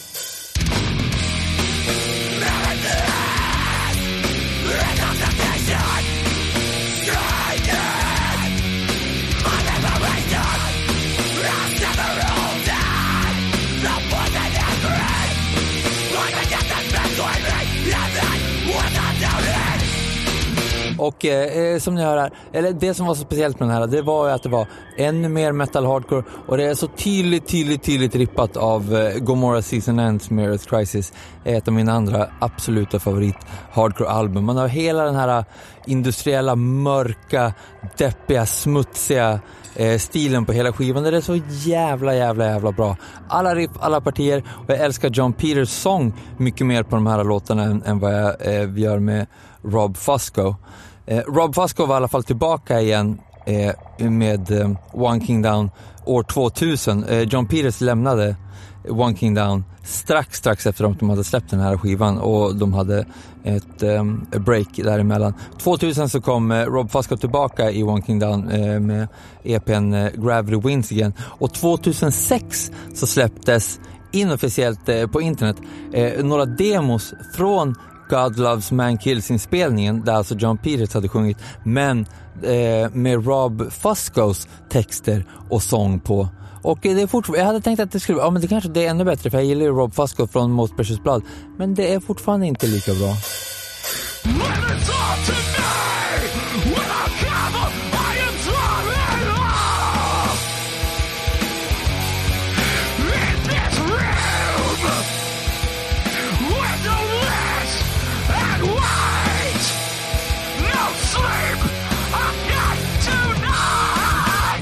Rob Fusco eh, gjorde så att Most Precious Blood blev tusen gånger bättre och John Peters gjorde så att One King Down blev tusen gånger bättre. Det var det. Mark för Nere på Noll Podcast. Tack för mig. Tillbaka till er. Ja men tack som fan Mark, eh, alltid kul att höra och One King Down, alltså ännu ett straight edge band eh, som omnämns. Eh, ja, vad, vad har du för relation till dem? Eh, ingen djupare relation skulle jag säga. Eh, jag har faktiskt bara, bara den första fullängdaren God Loves Man Kills Mm. som jag köpte på With Full Force-festivalen, kan det vara 99? Som jag knycklade ner i bilen och lyckades få hem intakt. Eh, det är lite för noisigt för, för min smak. Uh, så jag har liksom inte riktigt kommit in på det här bandet. Det är ju ett, det är ett klassiskt band och jag har faktiskt, alltså på de senaste, ja, inte vet jag, tio åren då, kollat upp lite senare grejer också och det är ju klassikern Bloodlust Revenge.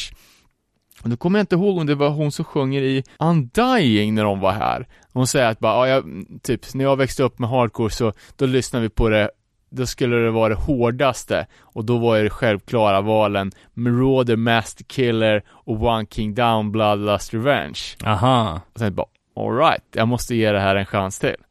Ehm, men äh, det är inget, uh, inget favoritband, men det är, det är bra. Ja. Det är bara, det är fel på mig. Ja, men jag håller med. Det är ju ett band som återkommer också om man kollar tillbaka i liksom sent 90, början 2000 hardcore liksom. Vilka band var det som var ute och turnerade med Earth Crisis, Madball och sådär. De var ju ganska ofta med på de där Ja, de var ju stora super, turnéerna. superstora och de headlinade väl This is Hardcore för något år sedan. Ja. Ja, nej men eh, fett att bli påminn om det. det eh, Mark gjorde ju också eh, oss en tjänst i att gå in på Axe to Grind, poddens eftersnacksgrupp och fråga lite eh, de amerikanska lyssnarna eh, om vad de har för, för skivor. Eh, och det var ju jävla blandad kompott. Det är ju återigen, och så går vi tillbaka till det här när man kom in på, på banden och vilka skivor som bet- betyder mycket, men eh, var... du kan väl rekapitulera bara lite, lite enkelt, så får, så får vi höra vad de tyckte. Ja, det var någon galning som sa att eh, No Warnings eh, Ill Blood var dålig och eh, Suffer Survive var, var bättre. Men var det inte så att eh, våran kära vän som har gjort den här podcast-logon, Jakob Bondesson, även skrev att först, fan var det? Han hade ju också någon galen teori om Ja, men jag, jag känner igen det, men jag kan inte riktigt komma ihåg vad fan det gällde, men men eh, det var ju gällande No Warning i alla fall. Hmm, ah, Ja, skit det var länge sedan. Sen var det någon som nämnde Death Haven och att man räknar Sunbather som deras första platta för att den som kom innan är diskvalificerad. Eh, TUI, att eh, Secrets of the World inte var något vidare men Big Kiss Goodnight eh, var bättre. Eh, det, Ja, jag vet inte, fan inte för mig i alla fall. nej, eh, jag kan väl vara lite mer åt det här hållet men det var väl just för att jag kom in på TUI med Big Kiss Goodnight. När Big Kiss Goodnight kom så hade jag en sån jävla beef med Reaper Records för att han inte skickade mina skivor, så jag var lite negativt inställd till den från första början. Någon nämner Lifetime, vilket Mm, Vi håller ja med. men det är väl eh, bara att hålla med. eh, någon nämner Have Heart, att de inte riktigt gillar The Things We Carry, men att det sen tog fart, jag vet inte. Det, Ja, jag är fel person och, eh, fel person och... ja, jag älskar ju The Things We Carry, så. Eh, Twitching Tongues, eh, att Insane and Inhumane never clicked with me, men eh, eh, In Love There Is No Law är en masterpiece. Jag tycker den första är också asbra. Uh, In Love är ju ett snäpp upp från första plattan, men den första är fortfarande jävligt bra, tycker jag. Ja, det var någon mer som nämnde Unbroken, någon annan som nämnde New Found Glory, men det här var lite chockerande. The Bronx. Ehm, Nej, vad fan säger de nu? ja, eh, första plattan hade eh, ganska däv energi skriver de, men att uppföljaren var mycket mer intensiv eh, och bättre melodier och sådär. Och det är klart att visst, eh, andra plattan kanske har bättre hooks, bättre låtar, men det gör ju inte att den första är dålig på något sätt. Nej, och jag tycker alltså när den första Bronx-plattan kom så var den så jävla unik. Mm. Eh, I alla fall mot det, de grejerna som jag känner till från, från den perioden. Medan den andra var ju liksom en, en återupprepning på, på det de, det de har gjort tidigare. Och sen så vart det ju knasigare och knasigare tills det, ja, Mm. sen tappar man ju greppet totalt. Så jag tycker i ren ch- chockeffekt så är ju första plattan i min bok deras milstolpe. Mm. Eh, någon nämnde också Hot Water Music, Finding the Rhythms is eh, awful, alltså den första plattan, men att eh, Fuel for the Hate Game är en av de bästa skivorna som någonsin har gjorts. Eh, Hot Water Music är ett sånt band som får dåligt med cred från oss, för jag tror inte att någon av oss är speciellt eh, peppad på dem. Nej. Men eh, Men det har, känns som att det är ett sånt här darling band bland liksom Ja men det är ju en, en, viss typ av hardcore punk som, som inte spelas så mycket i, i, våra kretsar kanske. Men det här bekräftar väl kanske lite den tesen jag hade inledningsvis, att, att det liksom är mer en punkgrej. Att dels kunna göra flera plattor, men sen också att kunna byta sound. Ett Ett hardcoreband skulle ju bara, boom, lägga ner, start, starta nytt. Som Precis. låter liksom det som är trendigt nu. Ja, Medan ett punkband kan, utan att skämmas, köra på och kunna ändra sitt sound allt eftersom liksom. mm. eh, Och sen slutligen var det någon som nämnde Bane också, eh, att produktionen på All Comes Down to This eh, inte var något vidare, men att sen Give Blood var där. Give Blood är väl deras platta? är Ja. Jag lyssnar inte på, på dem så jag kan inte uttala mig egentligen men Nej, men eh, det var lite från, eh, från eh, den amerikanska publiken också. Ja, intressant bara vil- vilka band som togs upp alltså, överlag. Det känns som att de det var ganska mycket melodiös hardcore och sån där. Precis. Have Heart-stilen som, som gick i deras hjärnor. Jo men, och, men det är ju stora band, jag menar Ja, vad fan, absolut. här liksom, det, det är nog rätt unikt att ett litet skandinaviskt land med en liten, inte ens topp tre stora städer har en så liksom utbredd mjukisbyxmors scen som Örebro ändå har haft och det har ju ändå format en Ja. något. Nej men och, att alla de grejerna som de tog upp var väl 2000-talsprylar. Ja, det, precis. det som snackades här var 90-talsgrejer. Eh, och det kanske säger någonting om när hardcore antingen kom in i, ens liv eller när det har pikat i de olika länderna. För Mm. onekligen så, så var det ju Sveriges hardcore peak 90-talet. Eh, ja, och som vi ofta gör i den här podden, vi klipper och hoppar lite, så nu ska jag knäppa med fingrarna och sen sitter du och David här. Nu är vi samlade. Jag, Daniel Netteral och David Olsson, den förlorade sonen, är tillbaka i etern. Den här gången är vi hemma hos mig och spelar in. Vi ska ta oss an den smått omöjliga uppgiften att prata om band som har dålig första platta, men som har gjort en jävla raket-comeback. Innan vi gör det ska vi bara gå igenom... Del två, för du och Robin har redan gjort lite väl? Ja, det har vi gjort. Vi ska gå igenom lite som har hänt i brevlådan, eh, en trendspaning som kom in på Instagram och en shoutout. Vi börjar med eh, trendspaning från Modde på Instagram. Apropå trender inom punk och hardcore så har jag börjat märka att det poppar upp band med namn som Emil and the Sniffers, Chubby and the Gang, Hank, Hank Wood and the Hammerheads och så vidare. Eller så har de funnits hela tiden, bara att jag inte har tänkt på det. Adam and the Ants, Roger Myert and the Disasters, Lars Fredriksson and the Bastards, Onkel Konkel and his Konkelbär. Listan kan göras lång nu märkte jag. Orkar inte tänka ut mer. Skulle kunna vara så, för så här, bandnamn går ju lite i vågor. Som fan, så här, ko- korta, vad är det? Det var ett tag alla hette Dö någonting. The Hives. Ja, typ. Ja, och sen så här, korta ord också. Glue. Kom sen. Ja, ex, ex, exakt. Nu är det and the. Vad var Chubby Ende? Eller, Är det Chubby Fresh eller? Det vet jag Nej, det här tror jag, jag tror det är australiensiskt, lite åt oj-hållet. Men det, det känns som att det behöver vara någon typ av mer stök-hardcore. Det är inte så mycket youth crew-band som heter Ray Nej. Capo and the... Nej, och, och det måste vara jävligt dominant frontfigur.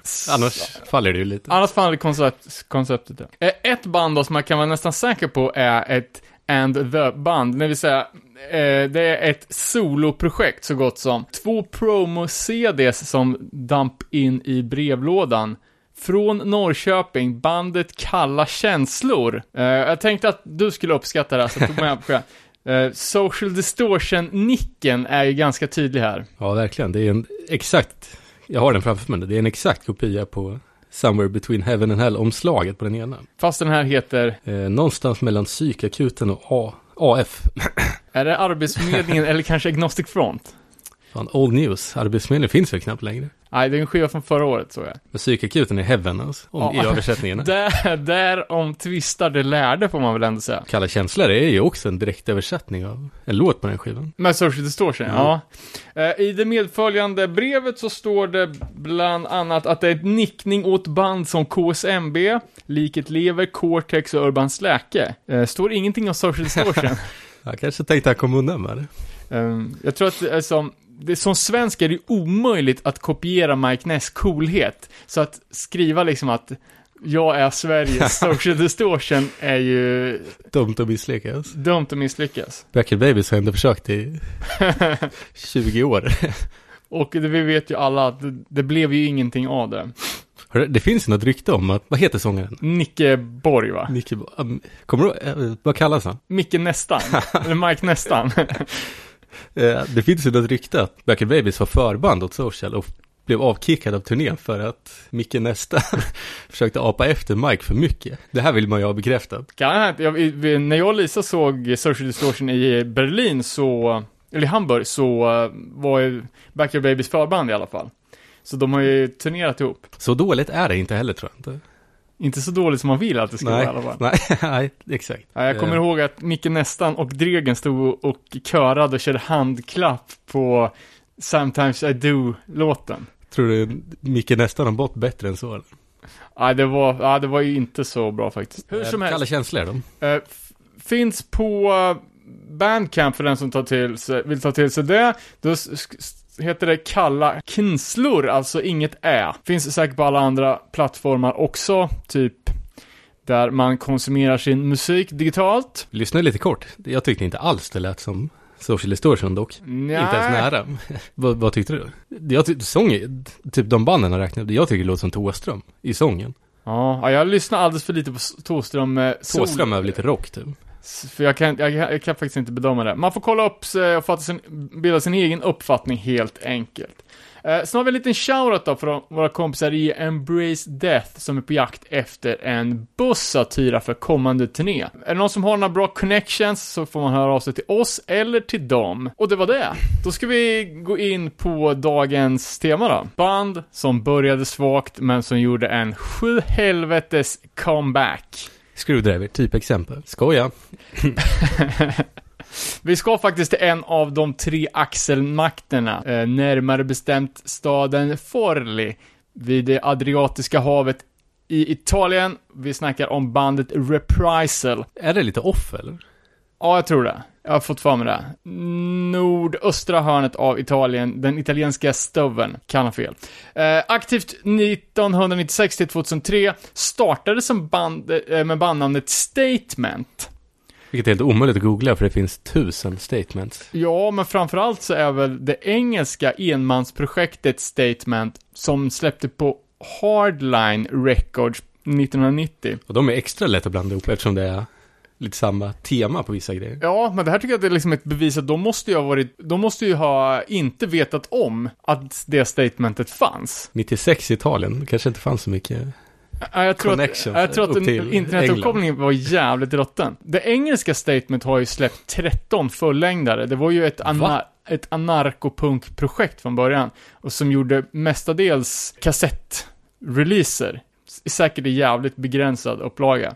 Eh, Sadlade väl om till någon typ av heavy metal hardcore på slutet av 80-talet när han hade kört i 5-6 år. Eh, För att de trodde att den straight edge-scenen skulle vara mer mottagliga för veganbudskapet. Så jag utgår från att de inte kände till att det redan fanns ett grönsaksband som hette Statement.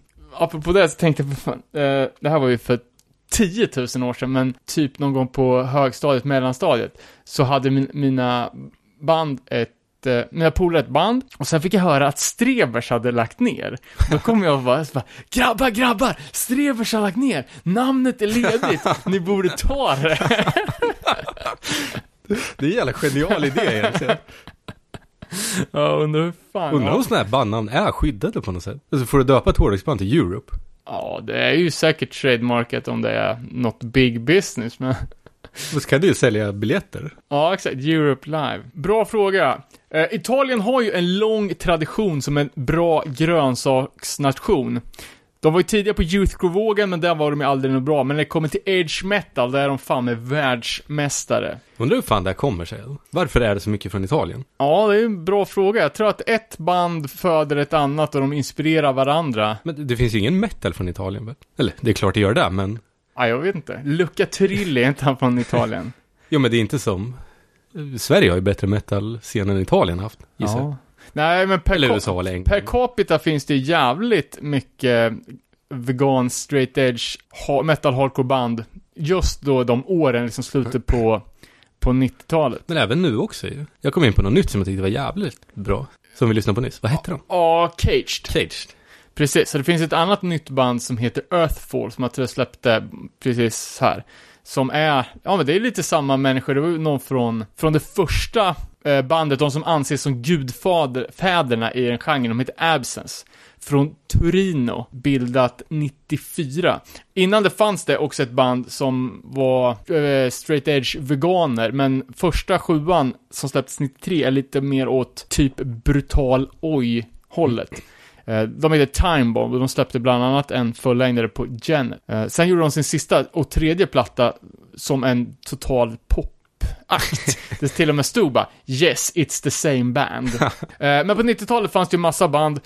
En av de största är väl Sentence, det fanns Redemption, Purification, som var ganska tidigt ute och så vidare. Läste ganska kul grej på det var en sån här 90-tals hardcore grej på Instagram. Eh, var det någon som hade lagt upp en bild på Purification 7 och så var det någon som hade kommenterat bara Suck, ännu en Archangel rip-off.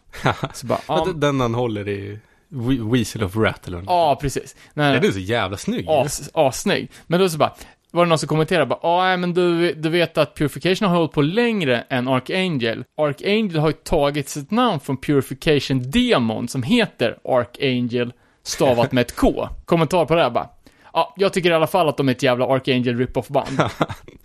det var så här, nu har liksom hela, hela, ja men det är så här, Trump-logiken på, man, man liksom, egna åsikter går liksom före faktiska händelser. Ja, men jag tycker så här. Jag tycker att de här är, har kopierat någonting som har funnits innan.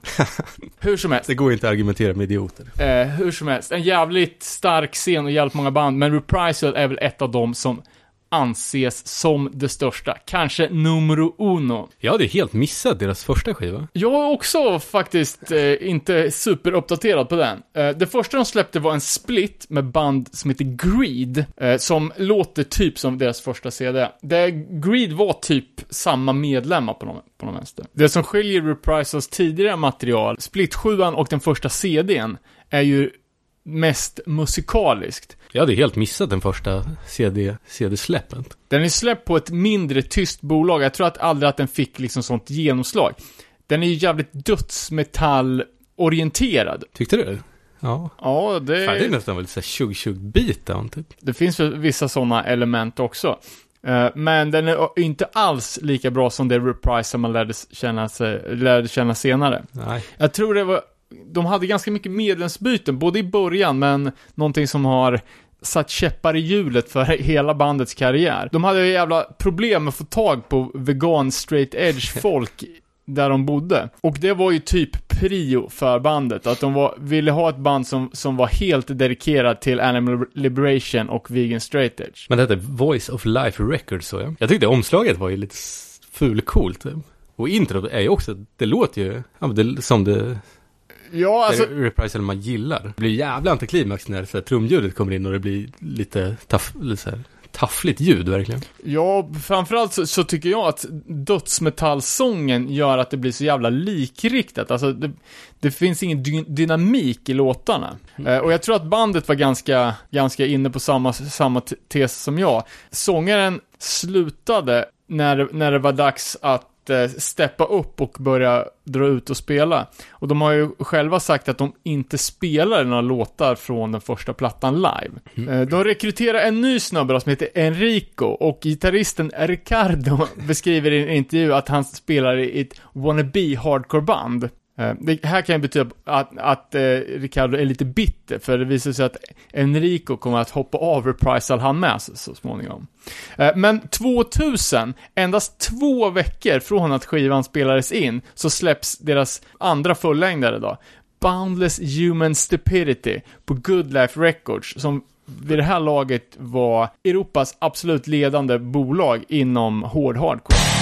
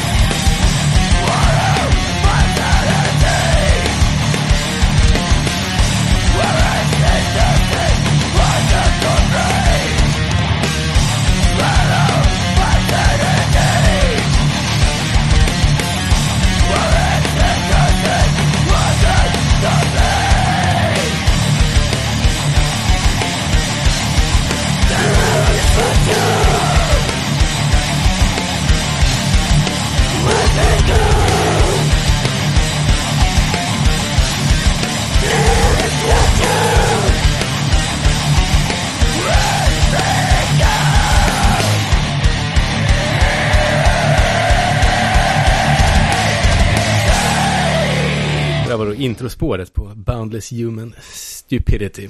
Eh, jävla svårt att uttala det fort. Wa- vad säger man? War on... War for Refoundation. Jävla bra alltså. Och jag tycker på den här plattan så bekräftar de liksom själva stereotypen för italiensk grönsaksmangel. För nytillkomna lyssnare som, som kanske inte är med på vad vi menar så är det alltså hårt metal-influerad vegan, straight edge, animal, human, earth liberation, hardcore. Och formulan är träningsoveraller av italienska sportmärken som Sergio Tacchini, Kappa och Fila. Förkastandet av människor och jordens undergång i bibliska texter. Och artworken måste vara gjord av Gustave Doré, alternativt Albert Dürer, om man vill vara lite edgy. Men det som jag tycker är bra med den här skivan är ju framförallt sången som är mina öron spot on. Alltså det är lite mer attack istället för uh.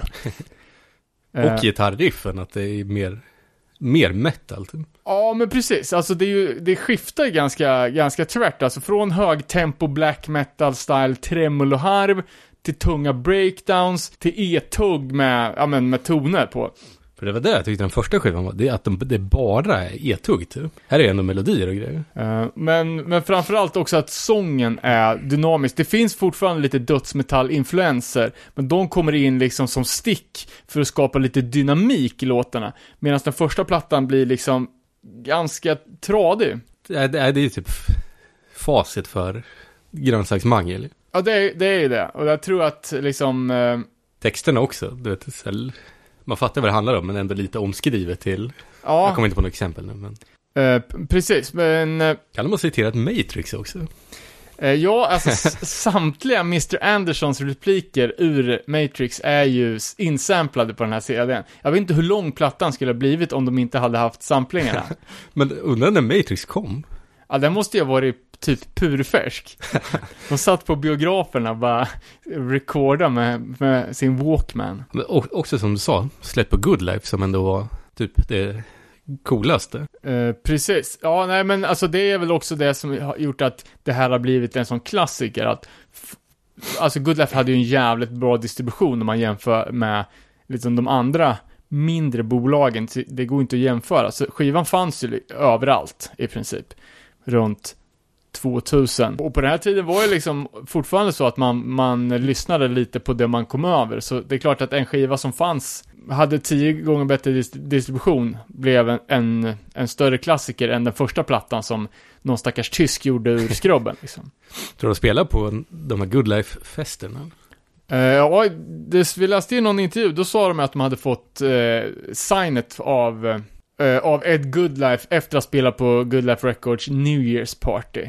Och då hade de ju varit i princip eh, ett av de minsta banden, men gjort ett jävla avtryck på det giget. Han är väl dock 0% edge och vegan? Vet ej. Tror inte det alltså.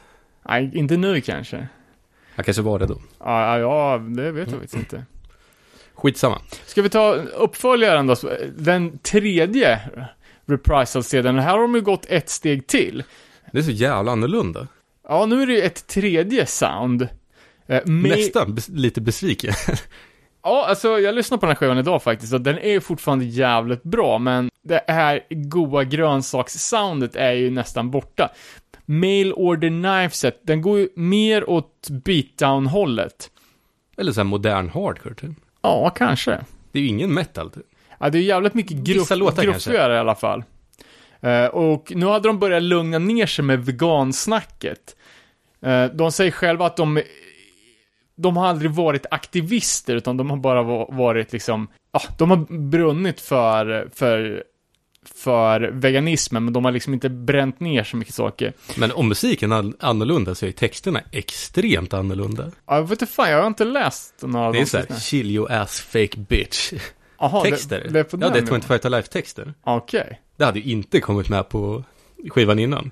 Nej, nej, vad intressant. Eh, omslaget på, på CDn är ju också extremt annorlunda. Och Good Life hade problem med, med omslaget.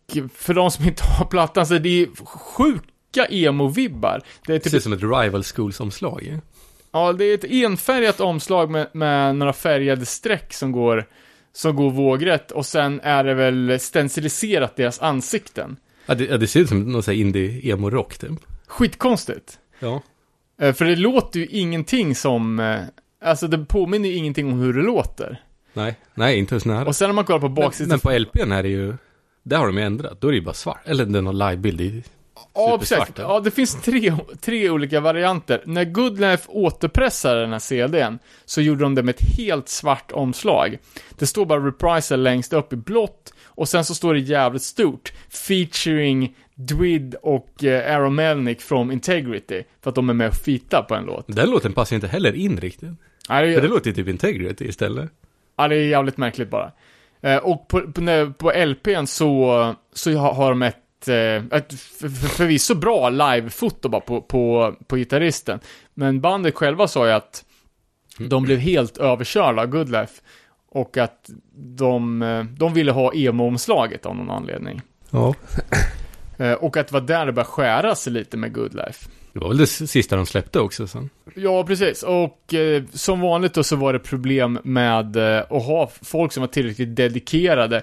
Dels var ju kriterierna rätt hårt ställda, att man var tvungen att vara 100% committed to the vegan straight edge, men också att man skulle kunna bara göra bandet och inget mer. Men det vi refererar till är någon intervju vi läste. Ja, Eh, Det var ju också, alla frågor klankade ju ner på andra. ja Man tänker bara, fan, det skulle ju kanske kunna vara att du är också en liten del av det här problemet. Typ, ah, den här killen var så jävla dålig på att köra bil, typ han fick sparken. Den här killen var så jävla kass på det här, han fick sparken. Ja, sant, sant. Eh, någonting som jag inte har tänkt på i den här intervjun också, så stod det ju att nu är bandet 100% pro-life vegan straight edge. Ja, det reagerar jag också på. Och det är ingenting som jag har fått några tendenser till tidigare. Jag vet inte riktigt Nej. om man har läst eh, texterna för dåligt.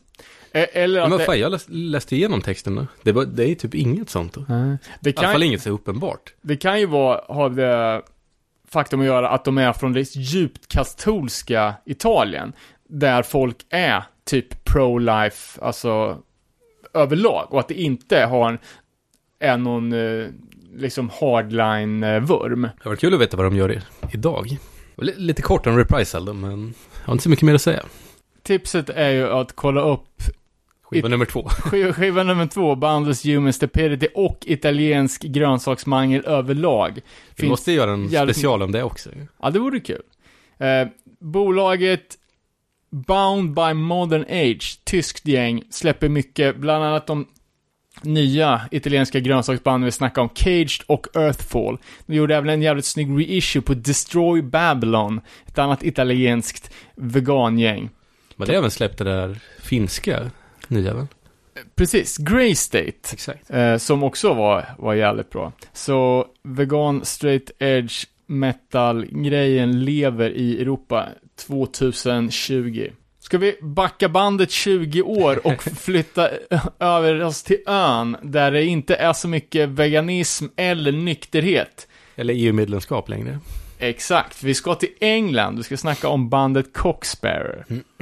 Eller Cocksparrow, som de hette från början. Det är ju ett litet favoritband av de tidiga engelska banden för oss. Och vi har ju snackat om dem många gånger. Fast även om det är ett favoritband så lyssnar man ju på en skiva. Ja, och vet du varför? Ja, för att det är den enda som är bra. För att första skivan suger. Eh, bandet började redan 1972 och spelade glamrock, typ Slade, T-Rex, Bowie på pubarna i London. Fan, man har helt missat den här pubrock-grejen känns det som. Ja, det är inte ens scen riktigt. Nej, Men alltså det är inte så här coverband som spelar på Ja, det kan- i Skänninge. Nej men typ, alltså det var ju mycket, de spelade Small Faces covers och Jag läste att Joe Strummer hade varit med i ett sånt band också.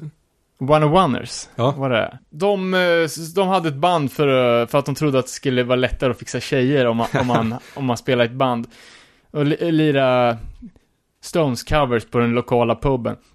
Så började de skriva, skriva egna låtar och när Pistols hade slagit igenom eh, så ville alla band, eller alla bolag helt plötsligt ha band som de kunde göra till sitt eget punkband. Eh, Så frågorna börjar komma in eh, och bland annat från det svinstora bolaget Decca. Eh, Vet, vet du vad de är kända för? Och inte ha signat Beatles. all right. Någon sån här klassisk grej. Men med 75 000 releaser i bagaget så har de uppenbarligen signat en hel del annat. Ja, jag tror de har gjort mycket Rolling Stones-grejer och sånt. Eh, säkert. Eh, de har 150 sublabels och startade 1929. och 98 så blev den underetikett till Universal. Vad sa du, 29? Fan, det är ju innan andra världskriget till och med. Det är back in the days. Det var inte så mycket punk då, det var mer Undrar vad de hade för sublabels 39-45 då? De var starka på den tyska marknaden. Eh, men Coxberg halka in lite på ett bananskal på det här bolaget. Eh, de hade någon typ eh, i situationstecken manager som hade ett annat band på Decca och typ tving eller skohorna in dem. Eh, de släppte en platta som är självbetitlad Coxbar. Det är inte en jättedålig skiva, men Men, men som jag fattar hade de ju släppt två singlar först. I England också. Och ja, sen kom möjligt. skivan bara i Spanien, ganska säker. Eh, det kan ju förklara varför, för jag tänker att den här skivan är jävligt dyr. Den snittar på 4-5 tusen spänn. Eh, jag tänkte om man släpper på Decca så borde det finnas en upplaga som var liksom enorm. Jag, jag tror det var så. Du, singlarna kom först, flög det väl inte. Och så hade de ändå spelat in en skiva, så vi släpper den i Spanien. Okej. Eh, och Coxbear, de vart ju inkastade i oj-genren. Det känns inte riktigt som att de... Men på, det står ju punkrock på, på skivan ju. På den första, på omslaget. Okej. Med någon jävla säkerhetsnål. All right. Ja, men precis. Ja, ja precis. Och det var väl skivbolagets eh, liksom säljetikett. For fans of hate breed sticker på 80-talet. Eh, men bandet vart ju inslängt på Oi the Album. Som definierade oj-genren och det känns som att hela den här plattan var lite av en stretch. Det känns inte som att det fanns tillräckligt mycket band för att göra en ren oj, en ren oj-platta. Tre av banden som är med på den här är ju typ hittepåband. Så här, rena studieprojekt till Cockney Rejects medlemmar och ja, det är liksom som att det är lite pressat liksom.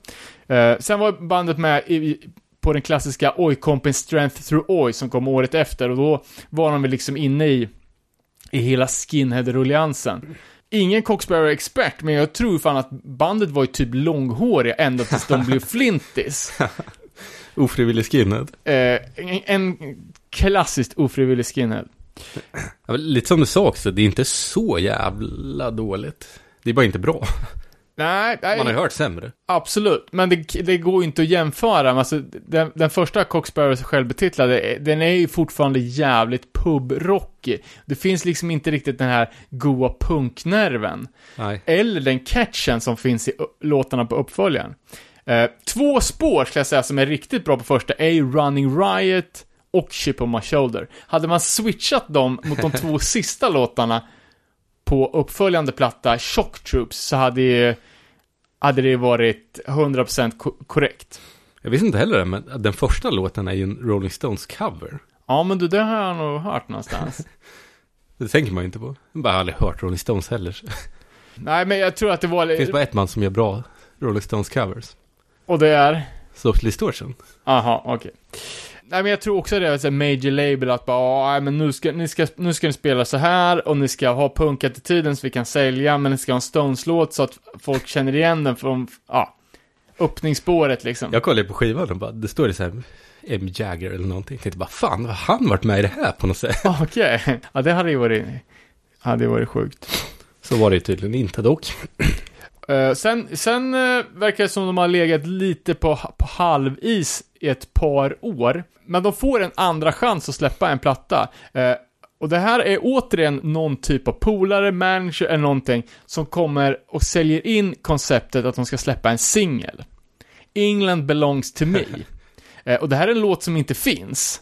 Eh, den här, eh, låt oss säga kompisen, eh, eh, jag vet inte om de har snappat upp liksom de rådande nationalistiska vindarna i England och försöker liksom eh, sälja in en låt som kan appellera till den här publiken. Men skivbolaget tycker att det låter jävligt spännande med England belongs to me och ger bandet lite studietid. Eh, och de är väl jävligt effektiva och på den här studiosessionen så spelar de in en hel platta av gamla låtar som de har haft liggandes och hittar på då England belongs to me-låten. Som är jävligt, jävligt basic, men är ju en punkklassiker av Guds nåde. Låtarna på plattan är ju inte direkt politiska. Det finns ju den här nationalromantiska nerven i England belongs to me. Men i övrigt så är det mycket, mycket baserat på personliga upplevelser och eh, det finns ju en låt som heter uh, Working, också en, en klassiker som handlar om att man inte ska svartjobba. Så uh, det är jävligt working class helt enkelt. Uh, Where Are They Now, det är väl en av de första låtarna på den här plattan. Eh, attackerar ju lite den gamla skolan, alltså nu är det ju 1983, fem år efter att punken typ var på, på nedåtgående. Och de frågar liksom vart, vart är de gamla hjältarna från Cockney Rejects, Clash och Pistols? Är de kvar? Det har gått sex år, Var- vart är ni liksom? Men, men mycket så här, av texterna är inte behållningen. Det är så jävla catchy. Ja, det är synd, alltså, Varenda låt är typ en hit. ja. Catchy hitlåt. Det är få punkplattor skulle jag säga som har en sån jävla kvalitet. Som sagt, de, Är det en dålig låt? de två sista låtarna, Drugs-låten och On an Island, är ju, tycker jag, kunde de ju lika gärna skippat. Då hade den här plattan varit 100% hits alltså. Det är ju jävligt bra punkplatta. En av de bästa skulle jag säga. Pratade med Danne om det igår. Vilken är första pressen? Med grå camo eller med vanlig camo? Det ska vara gråkamma är första. Den är ju fulare dock. Ja. Eh, första pressen, första press. Bra, bra citat där. Eh, omslaget är ju, alltså, de ser inte speciellt coola ut, men de försöker i alla fall. I såna här halvmodsiga frisyrer, eh, sitter på en, en camo-bakgrund som om att de precis har kommit ut från ett mission i djungeln. eh, sen går det ett, ett år till och bandet kommer ut med en ny platta.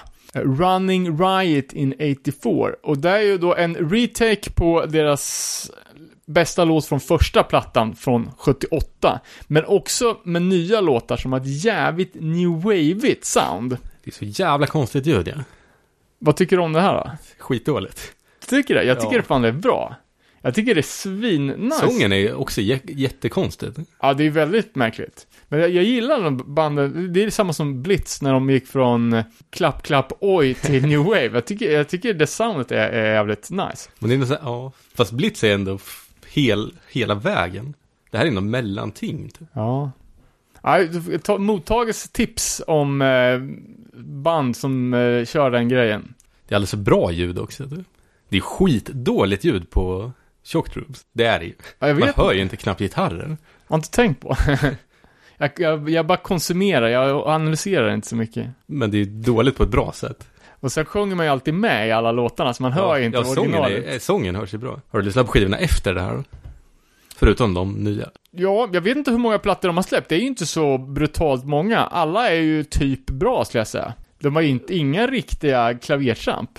Jag har knappt lyssnat på den. Men du gillar väl den, vad heter den, Forever eller någonting? Ja, jag tycker den är skitbra. Eh, Det är ju gubbar i, eh, fan, är det övre 60-årsåldern som spelar poppunk?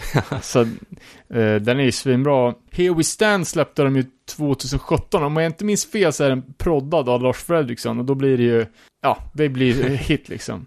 Sen släppte de väl en, eller två plattor på tyskt bolag på mitten av 90-talet och sen har de gjort lite annat jox. Det är ändå starkt att komma undan med, du vet, No Warning släpper en skiva som är lite annorlunda eller high power. Och då blir det ju ramaskri. Det här är ju stilbyte från något helt sinnessjukt egentligen. Ja. Men jag tror att det som hardcore-scenen är ju mindre förlåtande vad punkscenen är. Plus att de här killarna har ju, eller farbröderna har ju hållit på under 50 år. Så att liksom, den där plattan de släppte för 12 år sedan, liksom, den är glömd om det behövs. Det är sant. Men när man ser dem live, det är ju, det är ju typ Shock Troops som de spelar med kanske då ett inslag från senaste plattan. Så det här är ju deras, det är ju deras skiva liksom. Det är det enda de behöver. De nog lever på den skivan fortfarande. Nej, det gör de inte såklart. Svårt att säga. Jag vet inte, eh, Razer Records är väl inget storbolag. Jag, jag vet inte vilka som har återsläppt den. Captain Oi ser jag här på 2000-talet, och Pirate Press. Osäker på vad det är för, eh, för upplagor på dem. Men eh, de eh, får ju jävla, alltså de headliner festivaler när de vill, så att det går nog ingen större nöd på dem. Ja, det kanske var det om Coxbear. Kanske var det om band med svaga första plattor och lysande uppföljare också. Känns som att det kommer, kan bli ett ganska fett avsnitt i alla fall. Det finns ju säkert tusen band till, men Det gör det, och vi, vi var inne och touchade på en del. Eh, lite briefly, man får gärna kommentera med andra exempel. Nästa avsnitt vi ska göra är en eh, highlightning av nya svenska band. Har ni tips på det, tipsa oss. det var ju något formulär man kan fylla i. Det finns ett, ett formulär med grundinfo där man kan även bifoga foga en låt, så ska vi försöka sprida ljuset om nya aktiva hardcoreband i Sverige till nästa gång. Även punk vore ju kul alltså. Det har, man, en, det har man inte så jävla bra koll på tycker inte jag. Eh, vi tar upp så mycket vi får in och hinner. Så syns vi om förhoppningsvis två veckor. Hej då! Hej då! Hej då! Hej då!